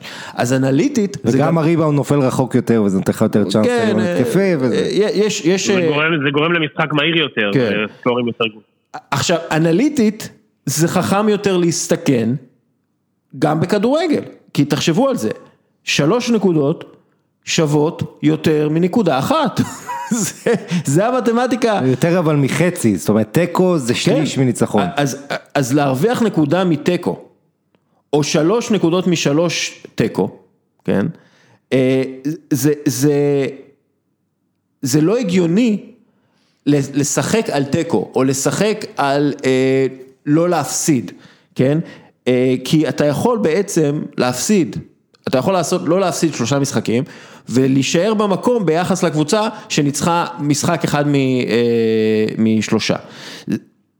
בסופו של דבר אני חושב שזה הבסיס לכדורגל ההתקפי שהוא לא התחיל השנה, אוקיי, השנה זה קצת מופרע יותר בגלל כל מיני סיבות כאלו ואחרות שנדבר עליהן, אבל הכדורגל באופן כללי, בגלל שהוא היותר אנליטי, הוא יותר התקפי, כי התקפית וסליחה, אנליטית יותר טוב לשחק התקפית ולנסות להשיג את השלוש נקודות מאשר אה, לשחק הגנתי ואולי להשיג את הנקודה ואולי להשיג אה, שלוש נקודות עם אה, שער אחד.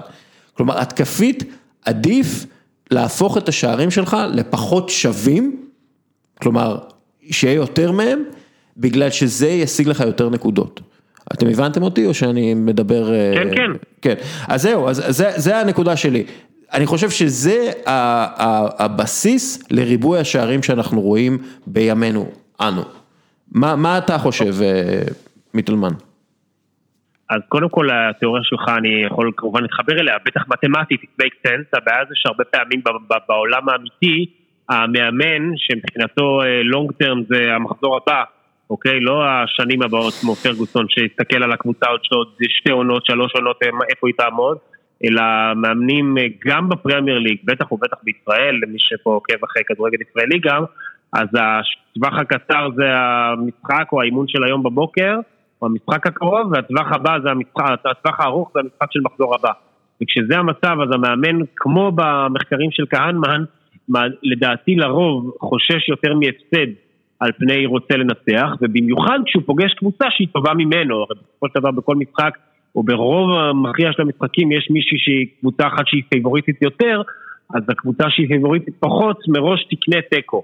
אה, זה המצב, גם אם באמת אותו תיקו הוא לא כזה הישג והוא לא כזה יקדם אותה, אבל תמיד כשתלך למפגש למאמן של וסטאם או קריסטל פאלאס נגד צ'לסי או נגד סיטי או נגד ליברפול, הוא, הוא יקנה בשתי ידיים תיקו, למרות שהתיקו הזה באמת מתמטית לא מקדם אותו ברמות היסטריות, כמו ניצחון על ברייטון אה, שבת אחת לאחר מכן.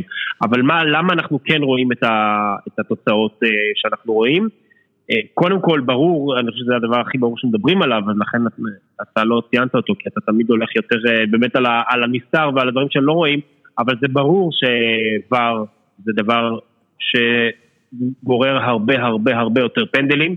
המספרים באנגליה של הפרמייר ליג מתחילת שנה זה דבר לא נורמלי, זה לא כיף גם לא לצפייה וזה נראה כמו עיוות סטטיסטי, 25 פנדלים כבר נשרקו, שאגב 23 מהם גולים, שזה כשלעצמו מדהים. 22 וזה... אחוז מהעלייה בפנדלים זה בגלל הנגיעות יד וכל התקנון. בדיוק, בדיוק, פי 4.2 פנדלים יותר בנגיעות יד לעומת עונה שעברה, זה קשור גם לחוק שאם אתם רוצים לדבר עליו, ופי שניים יותר פנדלים בכלל מהעונה שעברה פר משחק. עכשיו, הקטע הספציפי של נגיעות יד מרתיח אותי, אבל הקטע של עבר, אני לא יודע כמה אתם רוצים שנחזור על עבר, כי כבר עשינו את זה מיליון פעם, אבל אין מה לדבר, ואולי זה אפילו עוד יותר בולט בלי קהל. אגב, יש, יש איזושהי סברה, שמדברים על זה הרבה בבועה ב-NBA, שבגלל שאין רחש, אין רעש של קהל, אז השופטים שומעים הרבה יותר טוב את, ה, את השחקנים, את ההיתקלויות, את הדחיפות, את הנפילות, את הצעקות, בין אם הן טבעיות או מלאכותיות. אז השחקנים שורקים הרבה יותר, גם ב-NBA, אם אתם שמים לב בפלייאוף יש הרבה יותר זריקות עונשין, אני לא יודע אם דיברת כן. על זה דווקא אצלך, ואפשר כן למתוח קו ולהגיד שזה שאין קהל ב-NBA ואין קהל בליגה, בפרמייר ליג, בכדורגל בכלל, זה נובע בין היתר מהעניין הזה, שהשופטים שורקים יותר כי הם שומעים את ההתנגשויות, פתאום כל איזה דחיפה, כל טאקל, כל גליץ', נשמע הרבה יותר משמעותי ומוביל לשחיקה, עבר חד משמעית, זה, זה כמו לחפש אקדח מעשן בכל התקפה, זה, אתה כבר כמעט תמיד יודע שכשקרה משהו ברחבה והולכים לבר יהיה פה פנדל, כי כאילו זה כמו איזה מז"פ שמחפשים ועד שלא ימצאו את הרגע המפליל הם לא יפסיקו. אה, ועוד דבר אחרון, אני מוסיף עוד שני סנט, עכשיו שום, שום הסבר הוא לא הסבר כולל, כי אנחנו יודעים שיש כאן גם איזושהי סטייה סטטיסטית, זה ברור. אה, אגב, הבנתי שבליגה הספרדית דווקא נכון לעכשיו אנחנו על פחות גולים משנה שעברה, ובסוף, ויש דבר גם שם, זאת אומרת, שום הסבר לא...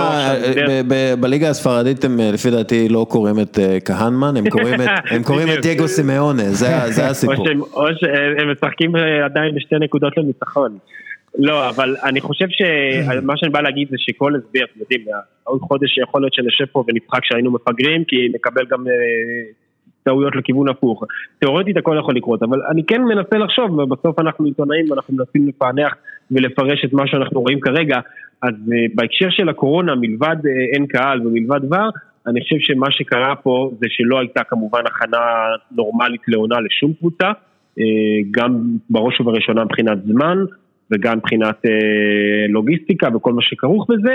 אני חושב בגדול שהגנה היא אומנות קולקטיבית, היא אומנות של הרבה, הרבה יותר uh, קשורה למאמן, לאימונים, לטקטיקה. לציוות נכון, ואלה פשוט דברים שלקבוצות היה הרבה פחות זמן לעבוד עליהם, לעומת התקפה, שההתקפה הרבה מאוד מבוססת על, אה, על כישרון, על, על מהירות.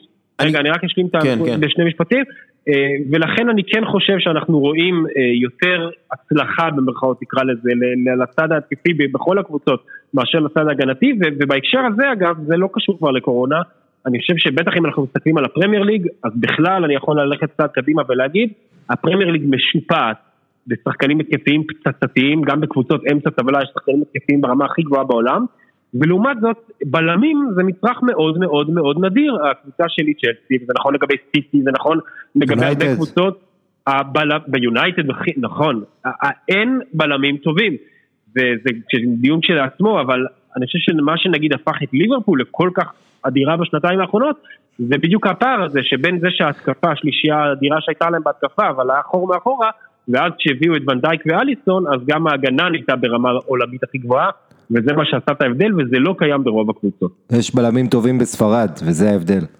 בגלל זה אתה רואה, מעט, זה אחת הסיבות שיש מעט גולים בספרד, נכון שאתה יכול לרדת על פיקה, שהוא הדמות המפורסמת, אבל אתה הולך בלבאו, סביליה והרבה מועדונים קטנים גם, אה, אז תראה, יש גם את העניין של משחקים בלי קהל, זה מוריד לך מהפחד הזה לחטוף גול, מהפחד לעשות טעות, מה... הקהל הרבה פעמים זה גורם שיותר משתק אותך מאשר מרים אותך. אה, מוסיף לחץ, פתאום זה מרגיש משחק אימון כזה, ואתה יודע, משחקי אימון תוצאות גבוהות יותר, כי אין לך את כל, ה, אה, כל המסביב, הבאז הזה, המתח הזה, אז אתה יודע, דווקא זה שזה מוריד קצת האדרנלין, זה עוזר יותר לשחקנים להתבטא, ויש שחקנים שבלי קהל משחקים הרבה יותר טוב. מאשר כשיש קהל ויש את הלחץ הזה אה, להופיע מול עשרות אלפי אנשים, אז צריך להזכיר את זה. דבר נוסף זה מי המאמנים שמובילים לך את הקו מחשבה, אם זה קלופ ופפ שזה מאמנים התקפיים, או אם זה דייגו סימאונה, שזה בספרד היום, שני שליש מהקבוצות הם הולכות בעקבות סימאונה וחטאפה, אתה יכול כבר גם להגיד, אז גם העניין הזה, ואתה יודע, כמו שאמרת, כל משחק ההגנה, הגנה קטסטרופלית, אנחנו אוהבים שערים, אבל הרבה מאוד מהשערים מגוחכים, אה, זה טוב, אנחנו בעד. אה, כמובן, מגמות טקטיות מסוימות, חוץ מה... אתה יודע, ה-obvious, אה, אנחנו רואים בימינו המון מגנים שהם הפליימקרים בכדורגל של ימינו.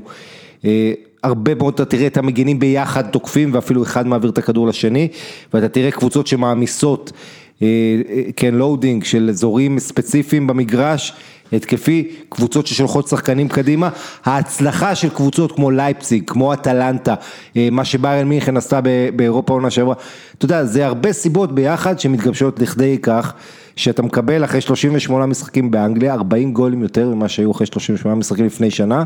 כן. אה, זה מדהים, אה, והלוואי יימשך. אה, אני חושב שיש אחד מה... שחקן פרמייר ליג דיבר, שחקן פרמייר ליג אנונימי, דיבר עם אתר פוטבול 365 על ריבוי השערים ושאלו אותו מה קורה. עכשיו הוא אנונימי לאורך הרבה מאוד זמן, כן? הוא לא... הוא לא נחשף ולכן הוא מאוד פתוח ומאוד אה, מדבר כאילו בתכלס. אז הוא אומר אה, שהוא חושב שריבוי השערים קשורים לקיום המשחקים אה, באיצטדיונים שקטים. הוא אומר לא משנה מה קורה, אין תגובה מהקהל, והוא אומר זה fucking מוזר, וזה בתת ההכרה שלך מאוד משפיע עליך. עכשיו איך זה משפיע על על, על זה שיש כל כך הרבה שערים, ואז הוא אומר את זה. אין לחץ על המגנים, בלי לחץ והסטרס של אלפים שצופים בכל תנועה שלך, זה גורם לך להיות רשלן, אתה מאבד פוקוס, זה לא משנה אם אתה חלוץ, אה, כי ההשלכות של ירידה של חמישה אחוז בריכוז של חלוץ, לא חמורות כמו ירידה של חמישה אחוז בריכוז של, אה, אה, של בלם. כשיש לך עשרים אלף איש מאחוריך, אתה נוטה להיות יותר מרוכז. זה מוזר, זה כאילו לא ידעתי מה זה לחץ חיובי מאוהדים עד שהם לא היו שם. בלי אוהדים גם, נרא, גם נראה לי ששחקנים מתייאשים מהר מאוד אחרי שהם ספגו את השער הראשון. יש כאלו שנוטים לעשות את זה יותר. השחקנים נהנים מלשחק, אבל אם אין שם אוהדים, זה מרגיש כאילו הכדורגל פחות משנה. אתה מנסה להתחרות כמו באימון או במשחק אימון, אבל בסופו של דבר זה פחות משנה לך, המשחק כשאין אוהדים. זה מאוד מעניין הנקודה הזאת, כי כן. כאילו על פניו אתה אומר לעצמך, כאילו שחקן מקצוען, שזאת העבודה שלו, והוא מרוויח כל כך הרבה כסף, כאילו, לא יודע, אתה נגיד, הוא שחקן מקצוען אבל הוא עדיין בן אדם.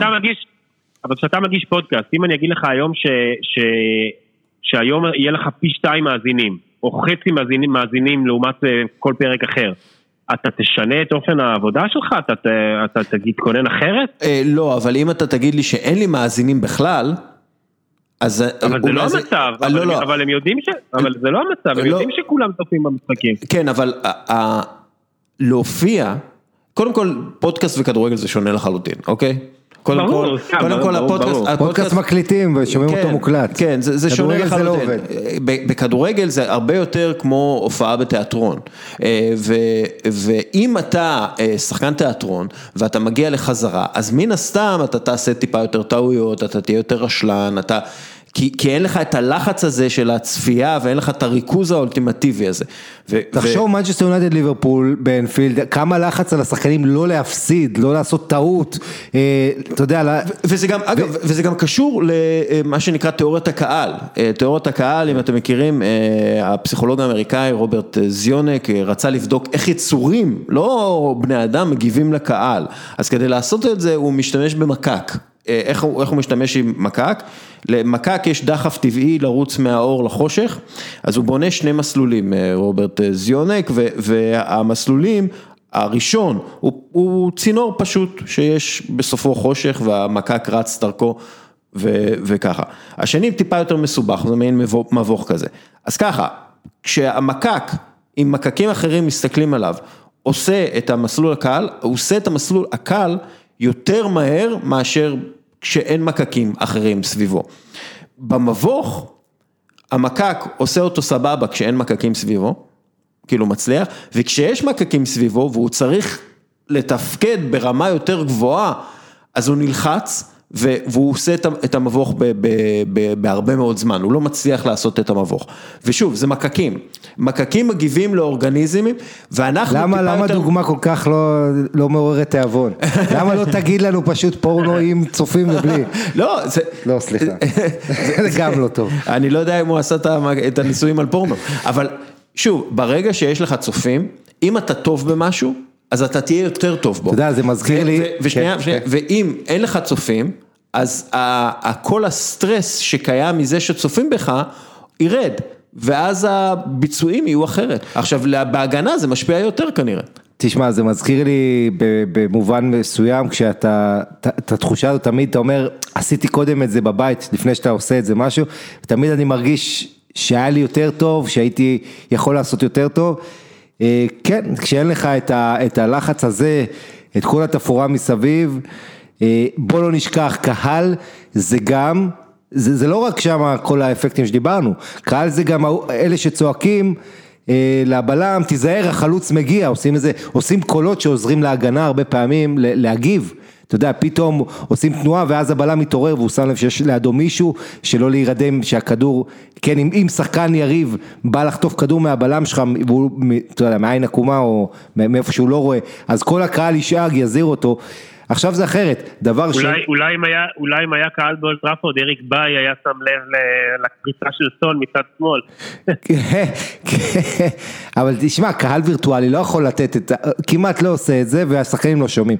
דבר שני, שלא דיברנו עליו פה בהקשר של אין קהל, זה שאתה שומע יותר את הדמויות הקולניות על המגרש, אתה לומד מי המנהיגים של הקבוצות, יש שחקנים שאתה, הם כמו מאמנים על המגרש, אתה לא מפסיק לשמוע אותם, מכוונים אחרים, אתה יודע, את סביבם, ויש כאלה שמשתתקים, מתרכזים, לא פותחים פה, מתרכזים רק במשחק עצמו. אה, ו- וכן, יש, אתה יודע, יש דמויות של מנהיגים שיותר מעוררים השראה, שיותר דוחפים קדימה, ויש כאלה שלא. עוד איזה משהו שאנחנו רוצים להוסיף על ריבוי השערים? כי דיברנו על זה איזה רבע שעה. ג'יימי ורדי, כיף לראות אותו בגילו, אתה יודע, זה בעיניי ב- בוא נדבר, פשוט נהדר. אה, תראה, ג'יימי ורדי הוא, אה, הוא דמות, הוא דמות, הוא דמות לסרט. ממש. אה, איך לא עשו עליו סרט עדיין? אבל אתה זוכר שכשלסטר לקחו אליפות, אז זה היה בהוליווד, קנו את הזכויות, 5,000 לאחד. לא, איך לא. עשו את הסרט הזה? אה, באמת? וואו. כן, אני לא יודע מה נסגר עם זה, בסוף בטח עשו את זה סרט לסינמטקים, אתה יודע, שאף אחד לא ראה. אבל חבל, כי זה פוטנציאל לסרט הוליוודי אדיר. איזה- איזה עוד סגרו- מישהו- סגרו את בתי הקול- סגרו את בתי הקולנוע בגלל הקורונה. כן. על מי עוד צריך לעשות סרט מהכדורגלנים הקיימים כרגע? ג'יימי ורדי זה סרט. זה, זה, זה, זה בילי אליוט אה, של כדורגל, אבל מי, עוד... אה, לאו מסי. לא, אני. לא מדבר, אני מדבר על, אתה יודע, לא לאו מסי, אני מדבר על... אה, אדוארדו קמבינגה.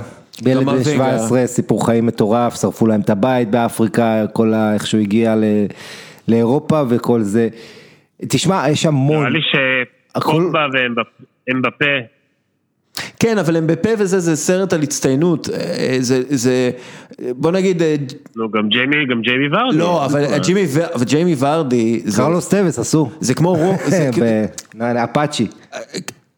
ג'יימי ורדי זה סרט שאתה מתחיל אותו בלואו לייף של איפה שהוא לא היה שם, שפילד. כן, אבל, אבל גם, גם אמבפה, גדל בבונדי. כן, אבל אמבפה. היה ילד, היה ילד גאון, ש... אבא שלו מאמן. שאבא שלו מאמן, זה, זה לא אותו, זה לא אותה דרמה אנושית. ג'יימי ורדי זה דרמה אנושית, עם EastEnders כזה, זה...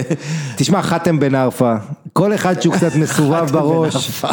אבל גם חתם בן ערפה זה מעין סרט על גאון כזה כדורגל, שזה לא מישהו שנלחם בחיים והצליח להגיע לטופ של הטופ בכדורגל העולמי. אבל תראה, בכדורגל יש לך הרבה הרבה יותר סיפורים של כנגד כל הסיכויים, באו משכונת פשע, תראה את וידל. האמת היא דייגו קוסטה. כן, גם קוסטה, גם ארתורו וידל. תשמע, כל העניין הזה של אתה נלחם, אין לך סיכוי של אחד למיליון. אה, אתה יודע, עוזב את הלימודים, רב עם כולם, גם קריסטיאנו רונלדו יש לו סיפור מדהים, אה, כולם, זה, מה שנדיר יותר זה כדורגלנים מצליחים משכבות דווקא אה, גבוהות יותר, כמו קוטיניו כזה בברזיל, שלאו דווקא, אתה יודע, לא היה לו חיים של עוני בילדות. אגב, גם רונלדיניו, כן, לא חי חיים... רונלדיניו, אני חושב, כן, תשמע, יש כל כך הרבה שאתה יודע, זה לא סרט, זה כמו 30 על 30, צריך לעשות על הרבה כדורגלנים, סרטים כאלה של שעה בערך, אני חושב שזה יהיה מעולה. אני עדיין אומר שג'יימי ורדי זה, זה הכי סרט שאתה יודע, אתה נותן לקן לאוץ' לעשות משהו, ואתה אתה, אתה יודע, זה, זה גיבור מעמד הפועלים כזה שמגיע ל, לרמה הכי גבוהה, ואתה מסתכל על זה, אתה יודע, הוא לא שונה בהרבה מבריטים אחרים שהם קצת דפוקים ושותים אה, וודקה עם סקיטלס וכאילו כן. כל הדברים האלה, אה, ואיכשהו, אתה יודע, שילוב של Trainspotting ו Goal. אשכרה. כן. אה, טוב בוא נדבר על אה, שוק העברות השחקנים, קבוצות הפרמייר ליג מוציאות. אה, מה עם סרט על זלאטן? אתה יודע, אתה יודע, נמאס. זלאטן משחק סוג של בסרט של עצמו כרגע, הוא כאילו, נכון, נכון, כל חייו, כל חייו עם קליפ. הייתי שם אותו בסרט עם סילבסטר סטלון וארנולד שוורצנגר, אתה יודע, וכאילו שיהיה כוכב action hero כזה, הוא רע בג'יימס בונד, הוא יכול להיות רע בג'יימס בונד פנטסטי. כזה גדול שעושה טאקוונדו. תשמע, גם על לוקאקו הייתי שמח לסרט, על איך ילד שתמיד היה ענק כזה, אתה יודע, גם הגדולים יש להם לב רגיש, ובמובן הזה אני חושב שזה יכול להיות. אגב, לבנטל, המלצתי לך, יש ב-yes BOD, אני לא יודע, אולי אפשר למצוא את זה במקומות אחרים, יש סרט יהודי על, על החברות בין עדן עזר לקריסטיאן בן תקה, שזה גם, אהבתי את זה, זה היה מאוד נחמד. וואלה, יפה. מה, מה, מה, מה האמלוק של זה? אני לא ידעתי שיש סרט כזה.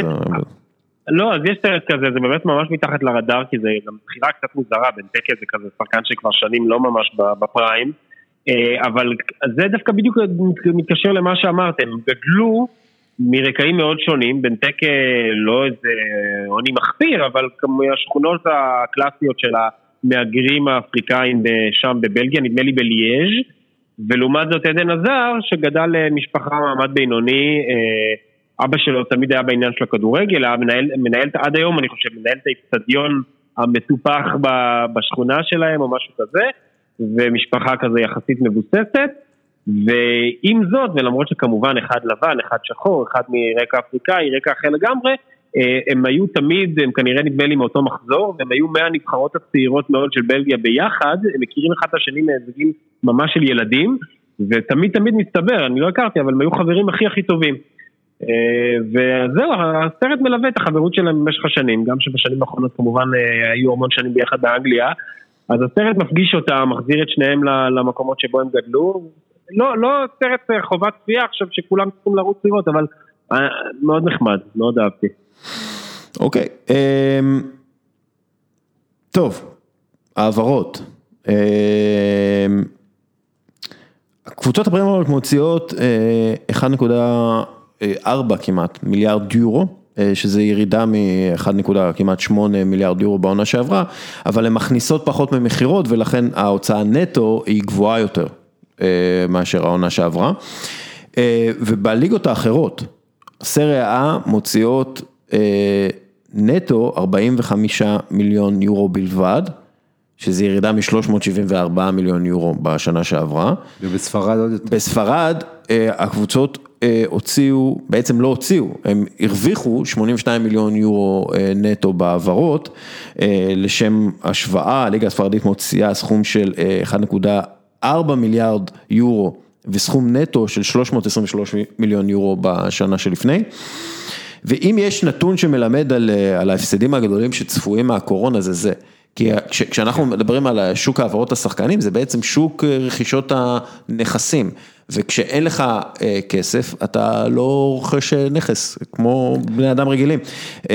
ואנחנו רואים שפשוט הפרמייר ליג עשויה בגלל הקורונה ובגלל הכסף המובטח שלה הגדול מה, מהטלוויזיה אה, היא בעצם עשויה לתפוס פער מאוד גדול בשנים הקרובות, הרבה בזכות הרכישת אה, נכסים האלה, במיוחד שאנחנו מסתכלים אבל על... העיקר מפטרים לי את גנרזאורוס, אתה מבין? כן, כן, זה, אתה יודע, זה אחד מהדברים. היום שהם מחתימים שחקן ב-50 מיליון, תחשוב על הנראות של זה, זה... לא, אתה יודע, מה איתו, הוא חוזר? קרונקי הוא לא חוזר. הדינוזאור? אה, אה, לא יודע, אוזיל אמר שהוא ישלם לו את הכסף, אתה יודע.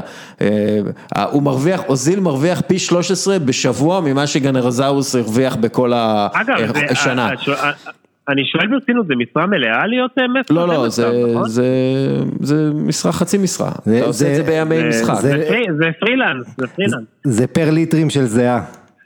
אתה מקבל את אתה לא כל המשכורת. כך מזיע שם, אבל. אה, אבל בכל מקרה, אה, אז מה, מה אתם אומרים, מה ההשלכ- מה מה ההשלכות של חלון ההעברות הזה כן. על, על המשך ה- הדרך של כלכלת הכדורגל? או... תראה, אנחנו, ב...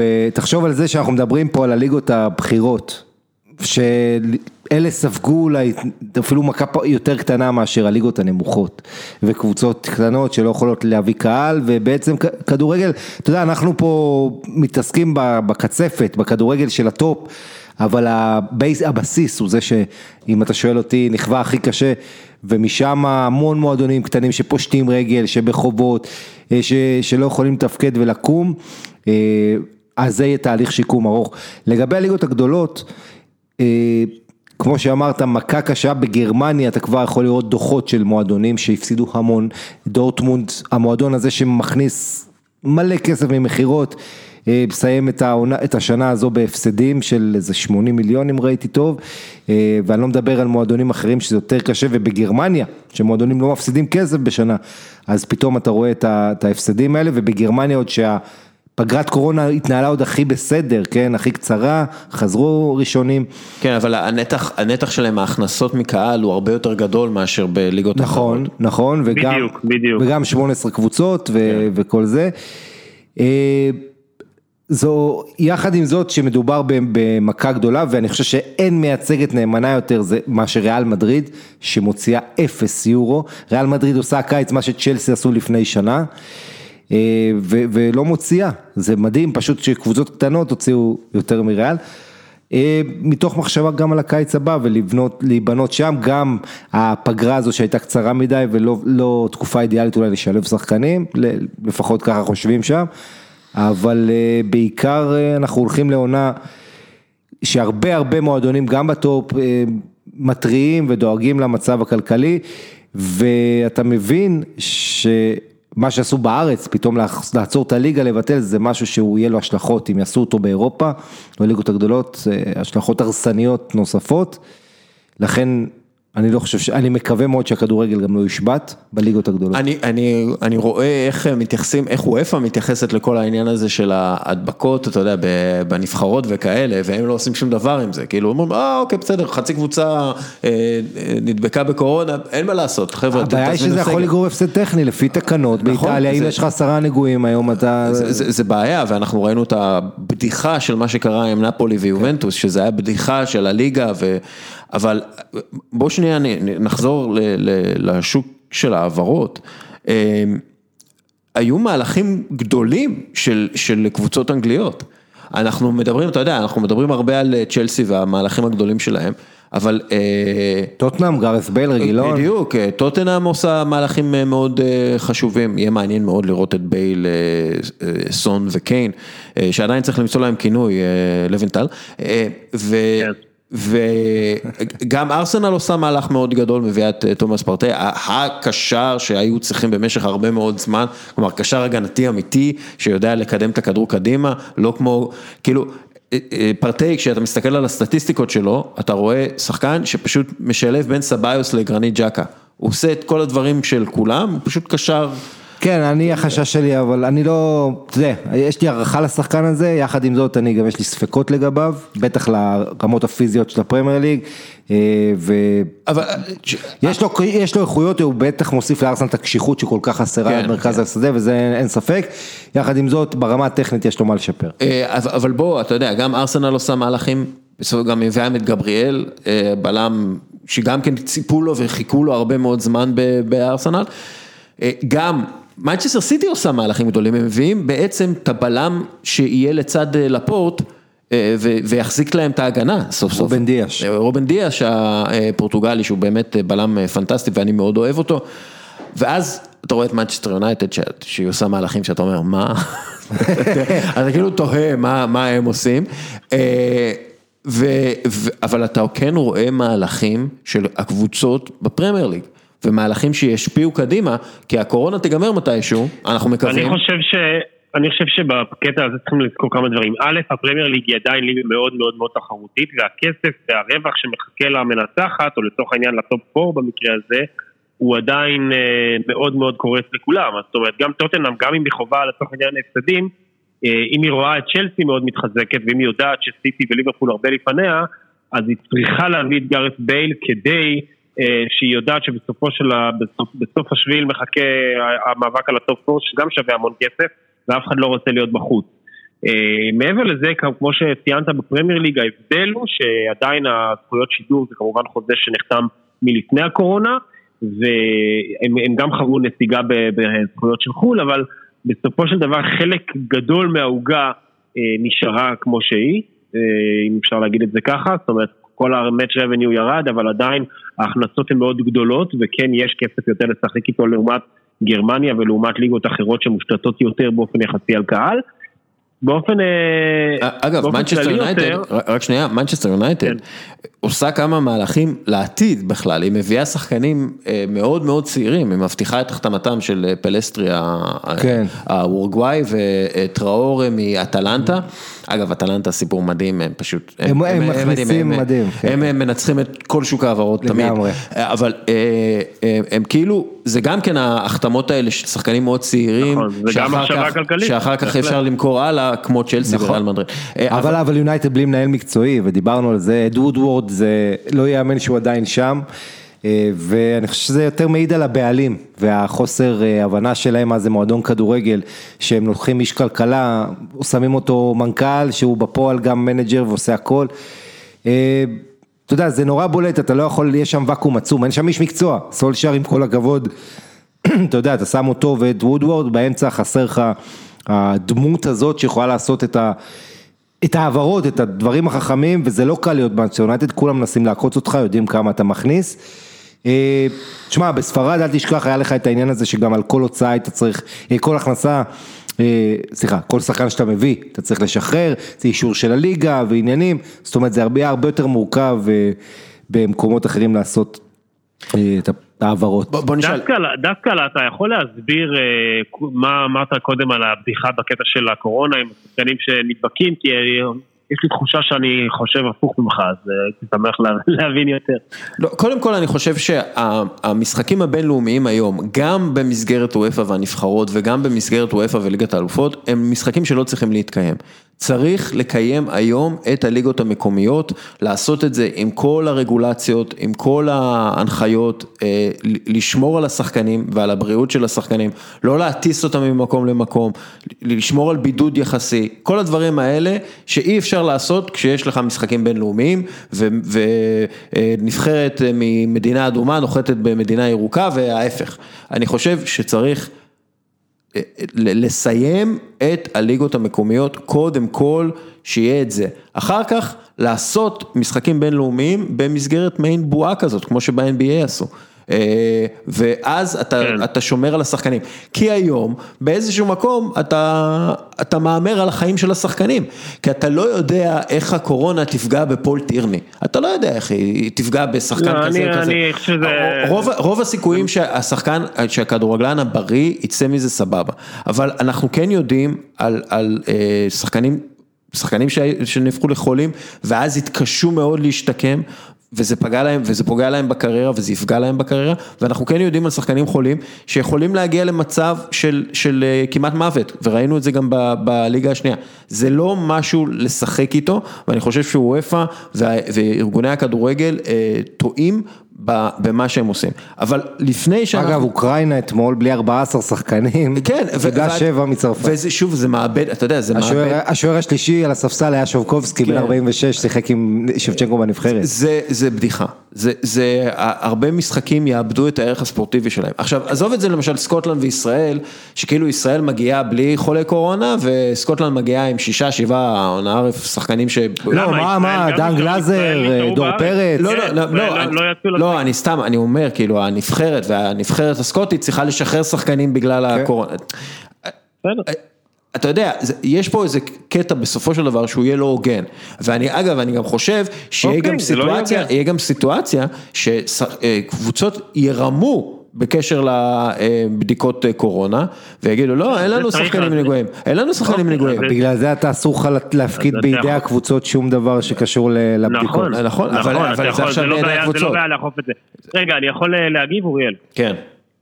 אני כמו, שחש... כמו שחשדתי, אני, אני בגדול מאוד לא מסכים, אני חושב הפוך ממך.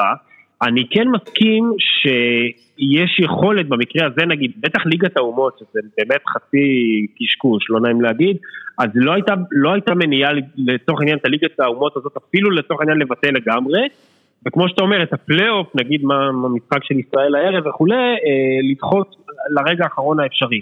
אבל אם אני רגע באמת עולה עוד כמה קילומטרים למעלה, מסתכל ממעוף ציפור, אני לא מסכים שזה הזוי, ונכון שיש בעיות, ונכון שזה מצחיק שרגע לפני משחק בודקים ושחקנים לא משחקים וזה יוצר עיוותים, כל הדברים האלה היו הזויים אולי, ב... היו הזויים בעולם שלפני תשעה חודשים ועשרה חודשים, היום הם לא הזויים, היום זה מה שקורה. עכשיו צריכים לקבל החלטה, או שבאמת, כמו שאולי אמרת, או, או לבטל הכל ולחזור רק למסגרות מקומיות, אבל אז דרך אגב, גם צ'מפיונס ליג זה מסגרת בינלאומית וגם צ'מפיונס ליג קצים ממקום למקום. לגמרי אני חושב שצריך להעביר את הצ'מפיונס ליג. לסוף השנה. אז אוקיי, אז אני לא מסכים, אני חושב שבסופו של דבר הקורונה היא לגמרי איתנו, אני לא מחדש כלום שאני אומר שהיא כאן כדי להישאר, וגם חיסון לא כל כך קרוב. אני חושב שחלק מהרעיון של שגרת קורונה, כן, זה גם להמשיך לשחק. ואם, ולעשות את לא, לא. מה שעושים עכשיו. מיטלמן. רגע, רגע, רגע, רגע, רגע, תן לי. אני אומר, צריכים לעשות בדיקות כל הזמן. שחקן שמקבל חיובי, אני לא חושש כמוך לבריאות השחקנים, אני חושב שתסתכל ימינה ושמאלה, בטח בישראל, ובטח ובטח במערב אירופה, כולם עובדים, כולם ממשיכים בעבודה שלהם, הם העבודה שלהם זה כדורגלנים, זה אנשים מאוד בריאים, מאוד צעירים וחזקים. אה, אתה יודע, אני לא אומר, ברור שלחלות זה לא נעים, להידבק, וגם אחר כך יכול להיות שיש מקרים של, של קושי אחר כך לחזור, אבל בגדול זה לא סיבה אה, להרגיש שאני מסכן את חייהם, או אנחנו, או... או או שבאמת לא, שנייה, שנייה, מיטלמן, מיטלמן, מיטלמן, שנייה. כששחקן, ושחקנים, והיה כתבה בוויינט על זה, כן? שחקנים מדברים על פגיעה בכושר הגופני שלהם. ומדברים על זה שהם כמעט התעלפו במקרה, שנייה, שנייה, לא, לא, לא, לא, לא, אז קודם כל, הם הם מדברים על uh, קשיי נשימה, אנחנו יודעים שיש תופעות לוואי שהן תופעות לוואי נוירולוגיות לקורונה, אנחנו יודעים שיש תופעות לוואי, תראה, אני די בטוח שהייתה לי קורונה, חזרתי בינואר מלונדון ונפלתי, באמת, נפלתי uh, קשה, אף פעם לא הייתי חולה ככה. אף אחד לא ידע שזה קורונה אז, אבל באמת היה לי את כל התסמינים, כולל חודש אחרי התקשיתי לנשום והתקשיתי אה, לחיות כרגיל והייתי עייף והייתי גמור. עכשיו כמה זמן זה נמשך? בערך חודש, בערך, בערך אז, חודש. אה, בסדר. לא, לא, אבל שנייה. אז אני... עדיין זה פחות נורא מלקרוע את הרצועה בברך. ברור, אבל עדיין, אתה לא, אני קיבלתי את זה ככה. יש אנשים שקיבלו את זה ויש להם איזה בעיה נורולוגית והם לא יכולים להריח יותר, או הם, הם, הם, הם לא יכולים, הם לא יכולים לנשום אנחנו, כמו שצריך. אתה, לא אתה מהמר על חיים, לא... שנייה, לא, אבל אתה מהמר על חיים של אנשים צעירים, כן? אה, אתה אומר, טוב, בסדר, הם, הם, הם יכלו, לא כזה נורא. אנחנו לא מכירים את הווירוס הזה עד הסוף. אנחנו לא יודעים מה תופעות הלוואי שלו עד הסוף. אנחנו, מאוד יכול להיות שיהיה שחקני כדורסל שחלו בארצות הברית, ו, וראינו אותם, שהם לא הצליחו להשלים את הבועה, והם יצאו החוצה, ויכול מאוד להיות שהם לא חוזרים להיות אה, כדורסלנים okay. ב-100%, הם יהיו כדורסלנים ב-90%. ואז אתה okay. אוקיי. פוגע, אז אתה פוגע בכלכלה של הכדורגל, ואתה פוגע בשחקן של הכדורגל וביכולת שלו להרוויח. ולמה? בגלל שהוא נדבק באיזה משהו, ואתה לא שמת לב, ואתה נתת לו להדביק אחרים. אנחנו לא יודעים... התשובה... אבל אנחנו כן יודעים... טוב. תדבר, דבר. רגע, התשובה, התשובה הפופוליסטית לזה היא שאני מהמר על החיים שלי גם כשאני יורד לאיילון בבוקר, אני מפחד מזה יותר מאשר מהקורונה. והתשובה היותר ריאלית היא ששוב, יש פה שגרת קורונה. אני חושב שאם אנחנו לא נבין את זה, אנחנו לא נשחק כדורגל בינלאומי בכלל, מי אמר לך שבסוף העונה יהיה חיסון? מה לא, אבל, ב, אבל בסוף העונה, שנייה, אבל בסוף העונה, לא, לא, אני מדבר על שליטה. רגע, רגע. שלא יהיה צ'מפיונס ליג בכלל, לא, יהיה ליגה אני מדבר- בכלל, לא, שזה- זה לא נכון. מיטלמן. לא, אתה אומר בסוף השנה. מה מת- זה בסוף השנה? אני מדבר על סוף השנה, בדיוק כמו שהיה כשחזרו מהקורונה, אה, מפגרת הקורונה השנה. אני אומר, לסיים את הליגות המקומיות, דרך אגב, להיפטר ממלא משחקים לא אבל חשובים, בגביע אבל וזה. זה א', גם הפסד, זה גם הפסד כלכלי מאוד גדול לכולם, לענף. למה זה הפסד כלכלי? למה זה הפסד כלכלי? יהיה לך ליגת האלופות. כי אנשים רוצים את ההכנסות, כי אנשים רוצים את ההכנסות האלה עכשיו. לא, אבל שני, מה- מה זה הכנסות לא עכשיו? אתה לא יודע, אתה לא יודע מה יהיה בעוד אה, שלושה ארבעה חודשים, אין סיבה כרגע להעריך. נכון, אבל מיטלמן, שעוד עוד ארבעה חמישה חודשים אבל יהיה שונה מיטלמן, מעכשיו. אבל מיטלמן, לא מיטלמן, הייתה. אתה רוצה לסגור כמה שיותר את הגבולות של המדינות, בשביל שכל מדינה תוכל לשלוט בקורונה, או לשלוט בנכנסים אה, ויוצאים. אתה רוצה ששחקנים לא ידבקו משחקן בזלצבורג, או לא ידבקו משחקן באיברניאן, או מה שזה לא יהיה, כן? אז אני אומר, בוא נסיים את הליגות האלה. שכל מדינה תטפל ותתמודד עם הקורונה בצורה הכי טובה שהיא יכולה. ואז בסוף השנה, אחרי שאתה מסיים את הליגות ואת הגביעים וכולי, סביבות אפריל, אתה לוקח את כל השחקנים שהגיעו לליגת האלופות ובליגת אירופה, ואתה מקים מעין בועה כזאת בגרמניה או ב, בס, ב, בספרד או בפורטוגל או מה שזה לא, מש, זה לא משנה, כן? ואתה מקיים את, ה, את הליגת האלופות בצורת בועה. ליגת אלופות זה ליגה של 32 קבוצות, אז אתה תכניס את כולם לבועה, אתה יודע מה עוד עם וחסר 32 לך- קבוצות? אתה יודע מה עוד 32 והפלייאוף- קבוצות? המונדיאל. המונדיאל והיורו. היורו עם 24 קבוצות, אני אומר זה אפשרי, ו- ואגב אני בטוח שליגה, אה, האלופות בצורת מונדיאל תהיה הרבה יותר מעניינת עבור הצופים. והמפרסמים, והמפרסמים ובעלי זכויות השידור, אני בטוח בזה. בקיצור, כן? אתה מנצל את הקורונה דסקל בשביל לדחוף את הסדר העולמי החדש שלך, נכון, שזה גם נכון. מה שהסינים עושים וזה יפה. אני, אני חושב ש... אה, אני, אני חייב להגיד, אנחנו מסכימים על ה... בלי קשר לקורונה, שאנחנו רוצים את הכדורגל ככה, יותר, אתה יודע, מומנטום מרוכז, גם פגרות הנבחרות, שיהיה לך לתקופות, גם אה, ככה ליגת האלופות, שזה יקרה סוף עונה, שזה הרבה היגיון ספורטיבי, לעשות את זה, אתה יודע, שהקבוצה האלופה לא מוכרת את כל השחקנים שלה, או קונה ונראית אחרת, אלא עם המומנטום של מה שהיא זכתה איתו באליפות. מיד אחרי העונה עושים טורניר של חודשיים שלושה, מרץ עד מאי, זו ההצעה שלנו, כן. אני דבק בה, יחד עם זאת אני מתנגד לעשות את זה עכשיו במחטף בגלל לא, זה- הקורונה. זה לא מחטף, זה- זה זה הזדמנות, זה לא מחטף. בסדר, אבל אני אגיד לך משהו, יש פה כן משהו חשוב של שגרת חיים, והדבר הכי גרוע מול נגיף שאחוזי החלמה ממנו רק הולכים ועולים, ואתה יודע, נכון, יש את כל הבעיות שציינת, עדיין בואו לא נשכח, 99 נקודה משהו אחוז בארץ, ש- בטח בטח ובטח שחקני כדורגל ובחורים צעירים. בדיוק, בדיוק. שלהם שפעת זה הרבה יותר מ- מסוכן ויכול להרוג מאשר קורונה, אבל נעזוב את זה, העניין הוא שעם הזמן, ככל שעובר הזמן, יש לך יותר התמודדות עם הקורונה מבחינת טיפולים ומבחינת החלמה ומבחינת כל הדברים האלה, אז אתה, אתה לא יכול...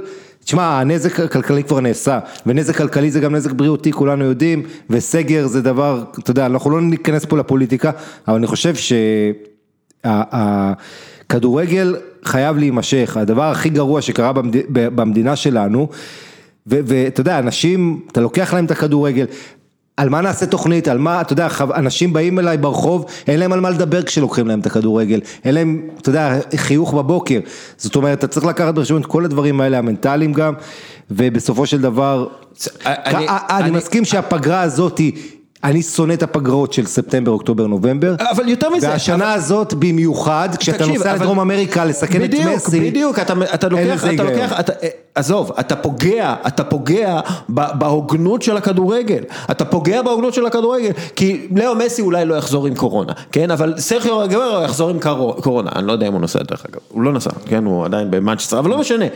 יש לו פציעות יותר חמורות. כן, מישהו יחזור עם קורונה, ואז אתה דופק איזה, אותו ואת הקבוצה שלו לאיזה שלוש, שלושה ארבעה משחקים, וזה סתם אה, אה, סיכון מיותר שאתה עושה, כי אתה לוקח שחקנים בריאים ואתה שם אותם ב- במדינות חולות, וההפך. אבל בוא לא אתה לוקח. שחקנים חולים ושם אותם במדינות בריאות. אז אני אומר, בואו קודם כל נסיים את העניין הזה ב- בתוך הבית, נ- נ- נ- נ- נצא מההסגר בריאים, ואז נטפל בעניינים הבינלאומיים.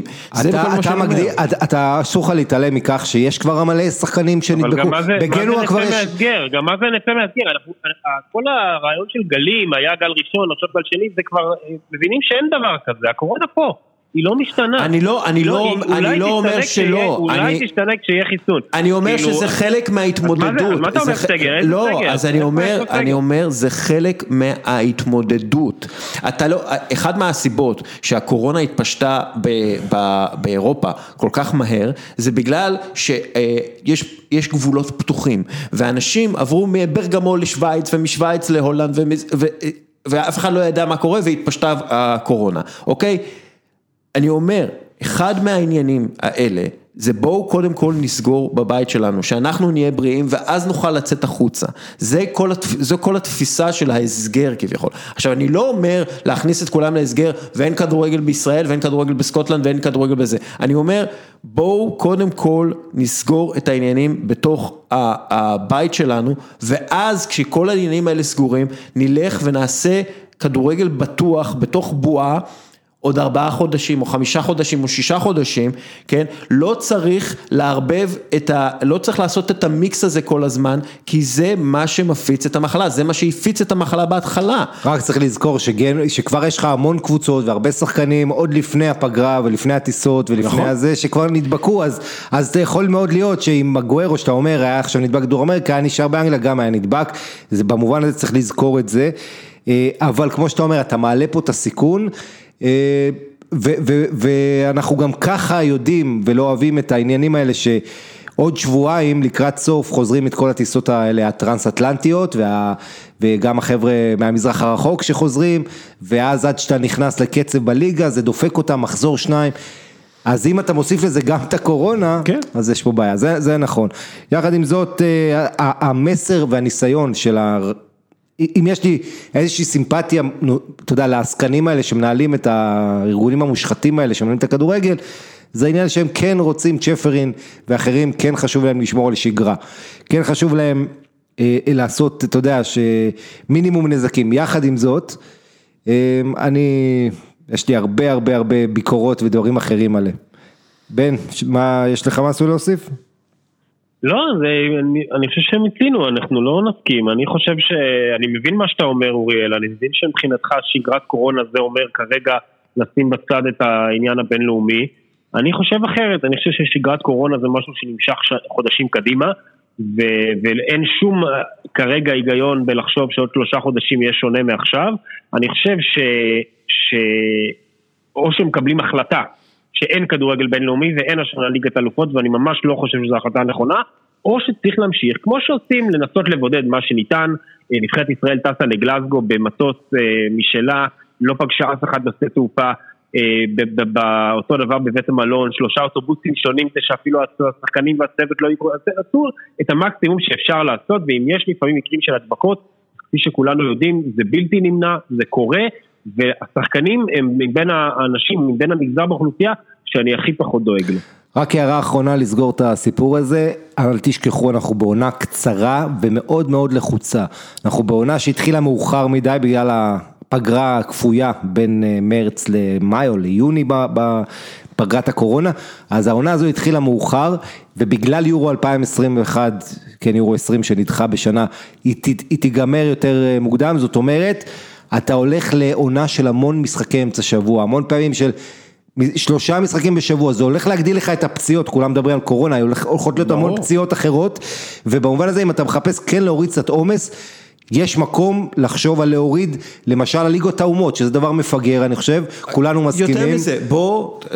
הפלייאוף הוא- לעלייה ליורו היה כן, צריך להשאיר הוא- והיה אפשר לעשות אותו בתנאי בועה נגיד, אבל את כל השאר, וופא, כן, וופא. אה, תורידו, תודיעו עכשיו, שמי שעלה ליורו, זהו, עכשיו אנחנו עושים את הטורניר. תודיעו את זה עכשיו, כן? הטורניר המנופח הזה של 24 נבחרות, שמגיעות אליו כל מיני נבחרות זבל, תורידו את זה, תורידו את זה, מה אתם צריכים? ואז תגידו, חבר'ה, אוקיי, תירגעו, אוקיי? אנחנו לא יודעים מה קורה בקיץ, אנחנו לא יודעים זה. קחו את הזמן, מסכנים את הכדורגלנים, גם בקורונה, גם בפציעות, כן? הטירוף הזה להגיע בזמן ליורו, זה פשוט... אנטי, אנטי בריאותי, זה אנטי, אתה יודע, ובמיוחד, ספורטיבי. אנטי ספורטיבי, ובמיוחד כשאתה מסתכל על מה שהם עשו ב-NBA, ואדם סילבר, ואיך שהוא ניהל את כל העניין הזה, והמנהיגות שמה, ואתה רואה איך עשו משהו שהוא בטוח, ועם כל ההנחיות, ומצוין, וגם היה אה, רמת כדורסל גבוהה, ואתה מבין שיש פה אה, אה, גוף וופא שלא עובד לטובת הכדורגלנים בשיט. והכדורגלנים הולכים להיפגע והולכים להיפצע ואנחנו עוד מעט נראה, נתחיל לראות נובמבר, דצמבר, אנחנו נתחיל לראות את הפציעות החמורות באמת, נכון. ויהיו כדורגלנים צעירים שיגמרו את הקריירה שלהם בגלל זה, והכל בגלל וופא ובגלל הרשויות כדורגל, וזה הכל בגללם, וזהו, זה מה שאני אומר. ולסיום, אתה יודע, העניין הזה של אה, כל מה שקורה כדורגל בינלאומי, בואו לא נשכח, היורו הזה, זה היה יורו של פלטיני שנפרס על כל אירופה, כאילו הדבר הכי גרוע בתקופה הזאת, כן. היורו הזה שבסוף יהיה לך בלי, אתה יודע, יכול להיות בלי קהל בכל המקומות, עם כל ההמון ישראלים שקנו כרטיסים, לא מדבר על כולם, אבל בארץ אני יודע ובטוח שיש המון, המון שקנו כרטיסים ליורו, ועכשיו פתאום, עם כל, לך תדע מה יהיה, אתה טס, אתה צריך בידוד, אתה כן, כן יהיה קהל, לא יהיה קהל, בקיצור אנחנו בעולם של אי ודאות, וזה קשה מאוד, אי ודאות. אה, כן, זאת הבעיה העיקרית, אה, ושוב, אני אה, הגעתי לשעה חמישים עד שקראתי לוופא מטומטמים, אה, וופא זה מטומטמים. מזכיר לי את התוכניות של יציא העיתונות שהיא רק, רק התחילה לפני איזה 15 שנה ותמיד היו נותנים לקופמן לקראת האייטם האחרון את כל ה... אתה יודע, העסקנים וכל החלה של להוציא ואחרי, אתה יודע, זה היה, לא, אני- היה תקופה אחרת. אני אומר שבפעם הבאה שהשחקן האהוב עליכם אה, נפצע וקורע את הרצועה, תאשימו גם את וופא בזה, ותאשימו גם את, את, לא, אין מה לעשות, תאשימו את הרשויות ואם כדורגל. ברומא נפצעים לך כל שנה שחקנים בגלל הדברים שקורים בס- ברומא, בסדר, אבל זה רומא, זה רומא, זה, זה מועדון אחד. אם אתה רואה עלייה גדולה בכל הפציעות האלה, בכל המדינות, בכל הקבוצות, אז זה בגלל שאיך שהכדורגל בנוי ואיך שמכריחים שחקנים לא בריאים אה, לשחק ולא נותנים להם זמן אה, התאוששות, הם בסופו של דבר, נכון, הם כדורגלנים שמרוויחים הרבה מאוד כסף והם בריאים, אבל הם בסופו של דבר הם גם בני אדם, ובן אדם צריך שיקום של 72 שעות בין משחק למשחק, ואם לא, אז הסיכוי שהוא ייפצע גדול יותר, על המדע שם, על המדע שם. נכון, אבל כל מועדון, אתה אומר מדע, כל מועדון יש לו את המדענים שלו ואת היכולת לעקוב ולנטר ולעקוב אחרי שחקנים ומה הרמות, אתה יודע, של כל המשתנים שיש להם הם- בגוף, הם יכולים רק בשביל לצמצם- להחליט אם הם צריכים לשחק או לא, בסדר, הם. יכולים, רק לצמצם את הנזק שנוצר מהמבנה שהם נכנסים אליו. אה, אה, המבנה שהם נכנסים אליו מעוות, ואם, אה, אה, למה ש... שנייה, אתה אומר, כאילו, המועדון צריך לצמצם. לא, המועדון צריך לקבל החלטה מה חשוב לו יותר ומה חשוב לו פחות. אה, אה, בגלל שזה מה שוופא נותנת לו, או שחשוב לך הניצחון בליגה, או שהניצחון בוופא, כי אם אתה אומר לי, יש 48 שעות שיקום בין משחק למשחק, אז אני צריך לקבל החלטה, אגב, בדיוק מה שקרה לטוטנאם וליגת כן. אירופה וזה, אני צריך לקבל החלטה מה חשוב לי ומה לא חשוב לי, ואז זה הוגן, מה, עבור השחקנים זה הוגן, עבור האוהדים זה הוגן, עבור המאמנים זה הוגן, עבור הקבוצות הקטנות שאין להם סגל עמוק לעשות בדיוק, רוטציה. זה לא הוגן, זה זה הופך את הכדורגל ללא הוגן, טוב יאללה. אגב, אה, חמישה חילופים לסיום, בעד או נגד? אני, חמישה אני, חילופים. בעד, אני בעד עשרה חילופים. באנגליה אנחנו עם שלושה כן, בלבד. כן, אולי גם כן אחת מהסיבות לשערים. לך תדע. כן? כן. אה, מיטלמן, אתה עדיין בכלל על הקו? ברור. אני, אני גם בעד אה, חמישה חילופים, אבל בשלוש פעימות, אז אין שום בעיה.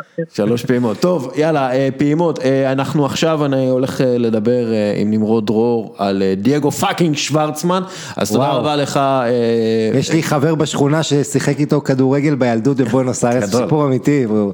טוב, אבל הוא היה טוב, הוא היה טוב בכדורגל. כן, כן, ואתה יודע, הוא מר- מרגש, אחד מהטניסאים באמת המרגשים. אה, כן. אה, דו- דו- דודי סלע על מלא אבל. אה, בן מיטלמן, תודה רבה. ביי, תודה רבה, היה לעונג. עמית לפנטל, תודה רבה. צ'או, צ'או. אה, ואיתנו, שומעים? שומעים?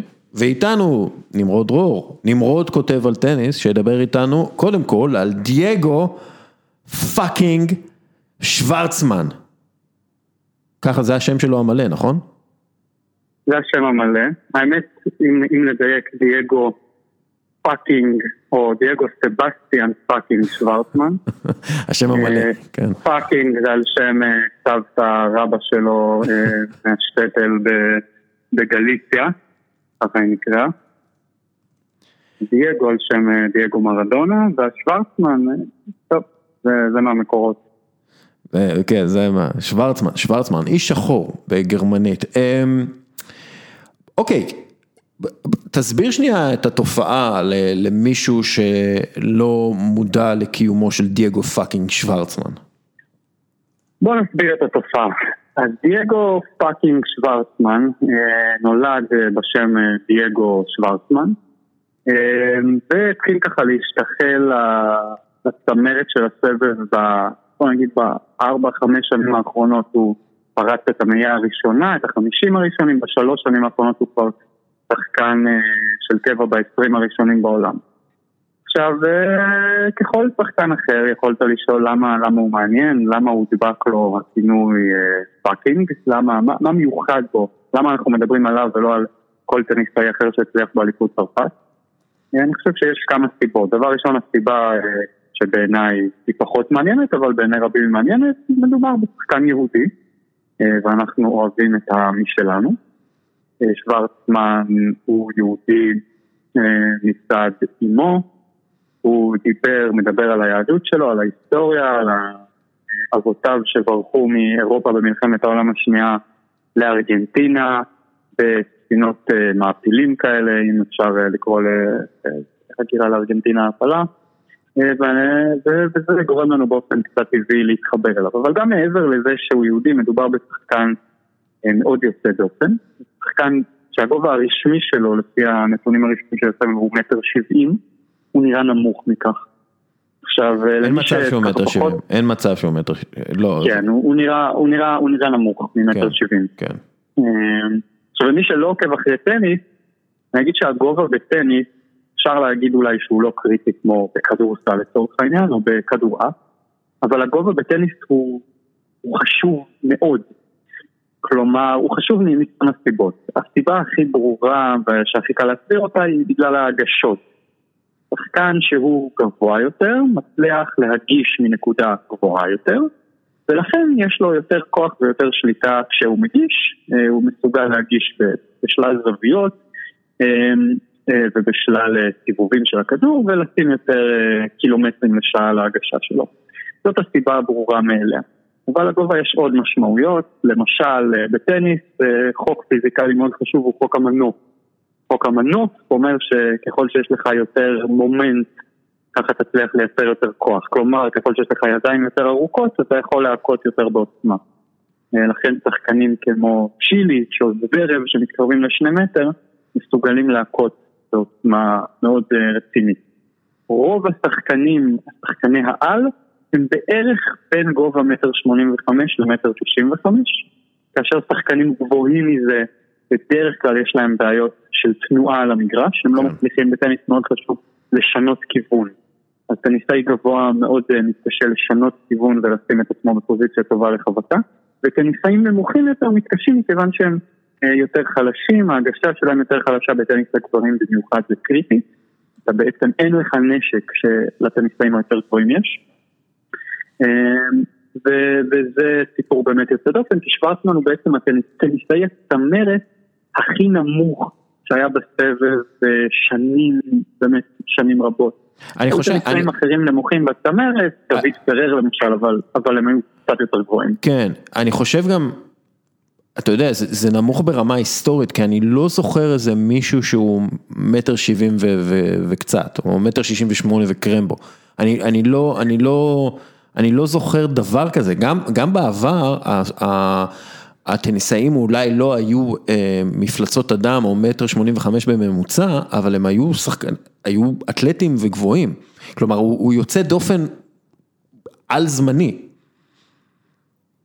כן, תראה, אם אנחנו חוזרים אה, הרבה, דבר ראשון, היו טניסאים בסבב גם יותר נמוכים משוורצמן, היו האחים רוכוס, היו טניסאים... כן, אבל לא, לא, לא ברמה הזאת, לא ברמה הזאת. לא, לא, נכון, לא ברמה, אוליבייר רוכוס, אם אני לא טועה, מטר שישים וחמש, או משהו כזה.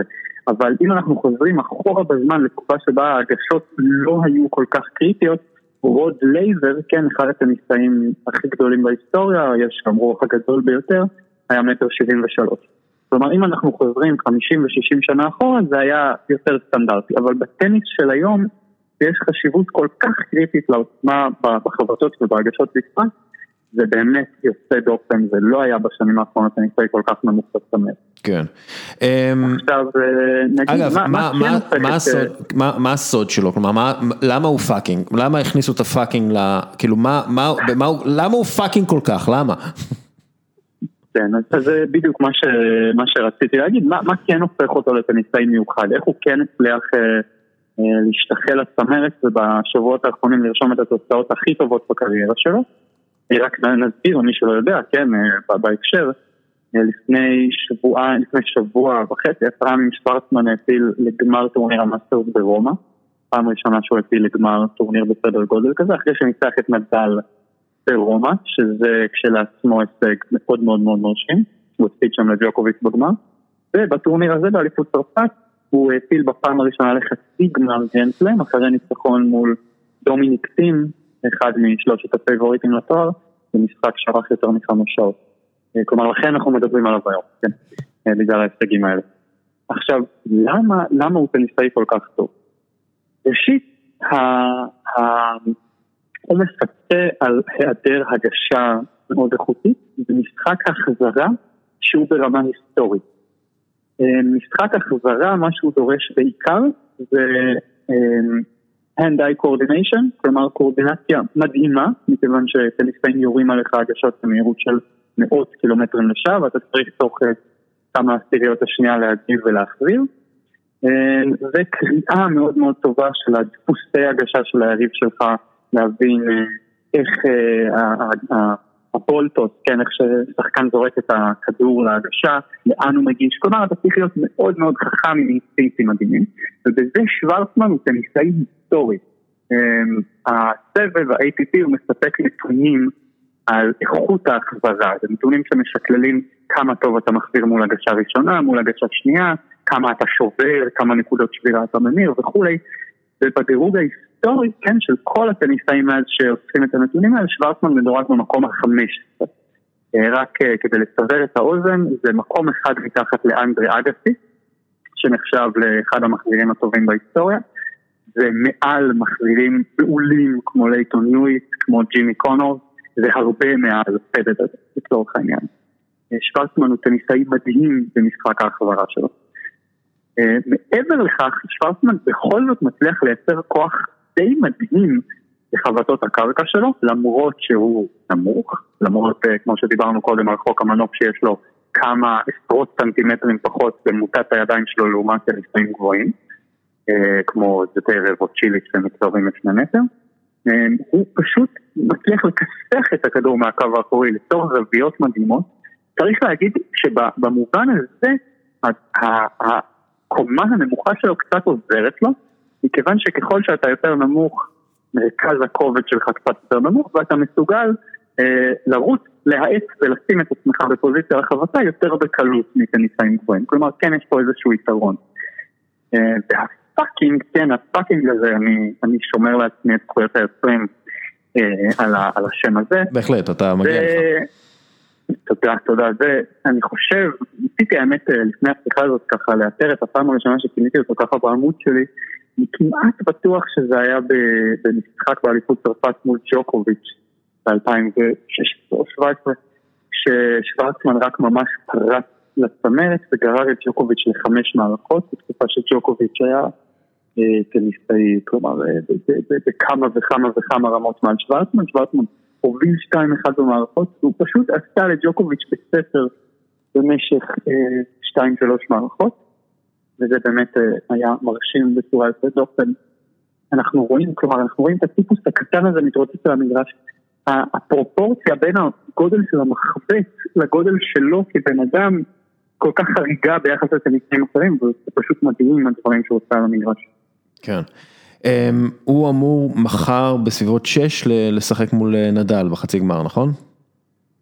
האמת שלא הסתכלתי על הלו"ז, מתי הוא משחק, אם אתה הסתכלת על הלו"ז אז uh, אני מאמין לך, אבל בכל מקרה מחר חצי הגמר של אליפות צרפת, וכן, שוורצמן התייצב מול נדל.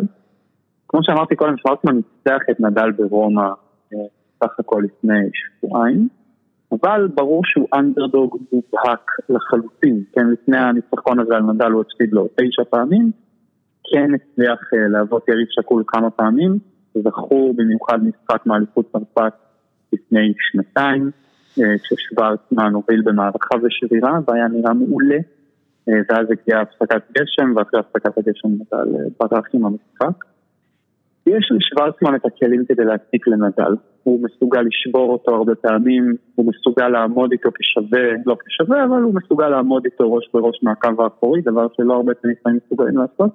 מצד שני נדל באליפות צרפת, כידוע זה כנראה המבחן האולטימטיבי כן. של עולם הטניס, אין קשה ממנו, קשה מאוד לראות את שוורצמן יוצא עם ניצחון, אבל כבר אה, בעצם ההעפלה לחצי הגמר זה הטורניר הכי טוב והכי חשוב בקריירה שלו עד עכשיו. אה, אפשר להגיד שהוא כבר ניצח, הוא מגיע בלי שום דבר להפסיד ואני מקווה שהוא ישחק ככה. אמ, מה אנחנו יכולים, לה... עוד משהו שאתה רוצה להגיד על, אה, על דייגו פאקינג שוורצמן? או שאנחנו יכולים אה, להמשיך הלאה? אנחנו יכולים להגיד הרבה, אה, בעמוד שלי קצת כתבתי על, על סיפור הרקע שלו, אה, שוורצמן בעצם נולד למשפחה בארגנטינה שהייתה מאוד בעלת אמצעים, אבל בערך בזמן שהוא נולד, ארגנטינה היא מדינה, בוא נגיד, לא, לא הכי, לא, לא הכי טובה מבחינה מנהלית. אמ, והיא קיבלה כל מיני החלטות כלכליות שהפסקו הרבה עסקים קטנים בתחילת שנות התשעים. אמ, מדינה שפשטה רגל, אגב, נדמה לי שהיא מחלקה בשיא עולמי של הכי הרבה פשיטות רגל. אמ, והמשפחה ירדה מנכסיה, כלומר שוורצמן גדל ברקע שהוא בא מאושר, אבל, אבל בעצם כשהוא גדל לא היה למשפחה כסף. והוא נאלץ אה, למכור צמידים עם אימא שלו כדי לממן את הנסיעות לטורנטים ובעצם הרקע הזה עיצב אותו במידה רבה, הוא טוען שהקשיים הכלכליים וההבנה שהוא צריך להילחם כדי להגיע לאנשהו בחיים היא מה שהפכה אותו להתחרה מהשורה הראשונה ומאפשרת לו להתעלם ממגבלות כמו הגובה שלו וכולי. כן, הוא מעריך את ה... את העבודה הקשה על אמת, לא, לא, לא בתור סיסמה. כן, אה, והיה סוג של, אנחנו רואים סוג של, אה, לא יודע אם לקרוא לזה רנסאנס, אבל אנחנו כן רואים אה, יותר צעירים בטורניר, יותר הצלחות של צעירים בטורניר. כלומר, יש את נדל כמובן, אבל גם יותר צעירים שמצליחים. נכון, אני חושב שבמידה רבה, בכל מה שלא קשור לנדל וג'וקוביץ', על הפי דבר. כלומר, הדורות התחלפו.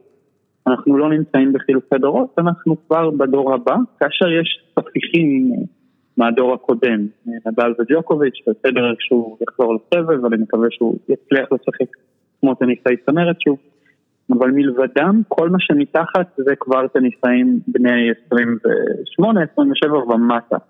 אמ, כלומר שלטון הטניסאים של אה, גיל 30 ומעלה די הסתיים, מלבד נדל וג'וקוביץ'. אמ, שזה נשמע קצת מצחיק, כן? כי בכל זאת הם זוכים בתארי גרנדסלאם, אבל, אבל כשמסתכלים על, על הטורניר כולו, באמת המון צעירים הגיעו לשלבים המאוחרים. אני חושב שזה הרבה בגלל שיש דור אבוד בעצם בעולם הטניס, כל החבר'ה שנולדו בערך בין שנת 89 ל-92-93, לא, בעצם לא, לא נוצרו שם טניסאים טובים. אה, לא נוצרו שם טניסאים ממש טובים, ולכן יש איזה חור, כל החבר'ה שעכשיו אמורים להיות אה, בשיאם, בני 30, 29, 28, אין, אין שם טניסאים אה, כל כך טובים, ולכן הטניסאים היותר צעירים מצליחים לפרוץ. ראינו בטורניר הזה רבע גמר בין סיטיפס לרובלב, ששניהם בני 22, ראינו אה, עלייה מדהימה של יאניק סינר, טניסאי איטלקי, מצפון איטליה מהאזור הדובר גרמנית, זה מעניין לפני עצמו, אה, שהגיע לגזבר הגמר עם ניצחונות מדהימים מול גופן ומול זברב, ונתן fight ממש יפה לנדל. אמ, ויש המון המון צעירים שהם up and coming, אפשר אה, לבלות אה, שעה רק ולדבר עליהם. אה, אבל זה כיף, זה באמת כיף חיים, כי, כי ההרגשה היא גם לא שזה מין ברירת מחדל, שנוצר איזה ואקום על הטניסאים מצליחים, אלא שהם באמת משחקים טוב מאוד. כלומר ציציפס, שמצליח שוב להגיע לחצי גמר גרנדסלאם, הוא טניסאי מעולה, הוא חזק מנטלית. אני לא יודע אם הוא כרגע ברמה של ג'וקוביץ', אנחנו נגלה בחצי הגמר מחר, אבל אה, מדובר באמת בדור כישרוני שלא היה לנו בסבב מאז העלייה לגדולה של ג'וקוביץ', נדל, מארי ודל פוטרו. כן, אה, דייגו אה, שוורצמן, או דייגו fucking שוורצמן, לא ממש בדור הזה, הוא בן 28, הוא, הוא יחסית כבר נכון. מבוגר, אה, אבל אנחנו נחזיק לו אצבעות. גם ברגליים. גם ברגליים. ואנחנו נקווה שהוא יביס את נדל האנטישמי הזה, לא סתם, נדל אחד מהנשמות הטהורות. נמרוד, אנחנו צריכים לעשות מתישהו פודקאסט טניס, לחזור לזה. אני מחכה לטלפון. מצוין, תודה רבה לך. תודה רבה לעמית לוינטל שהיה פה מקודם ובן מיטלמן שגם היה פה מקודם. תודה רבה ללשכת המסחר הודו ישראל על החסות לפירוט הפרק. תודה רבה לקפה טורקי עילית לחסות לפרק. תודה רבה לדייגו fucking שוורצמן. ותודה רבה לך מאזין יקר שנשאר עד הסוף. יאללה ביי.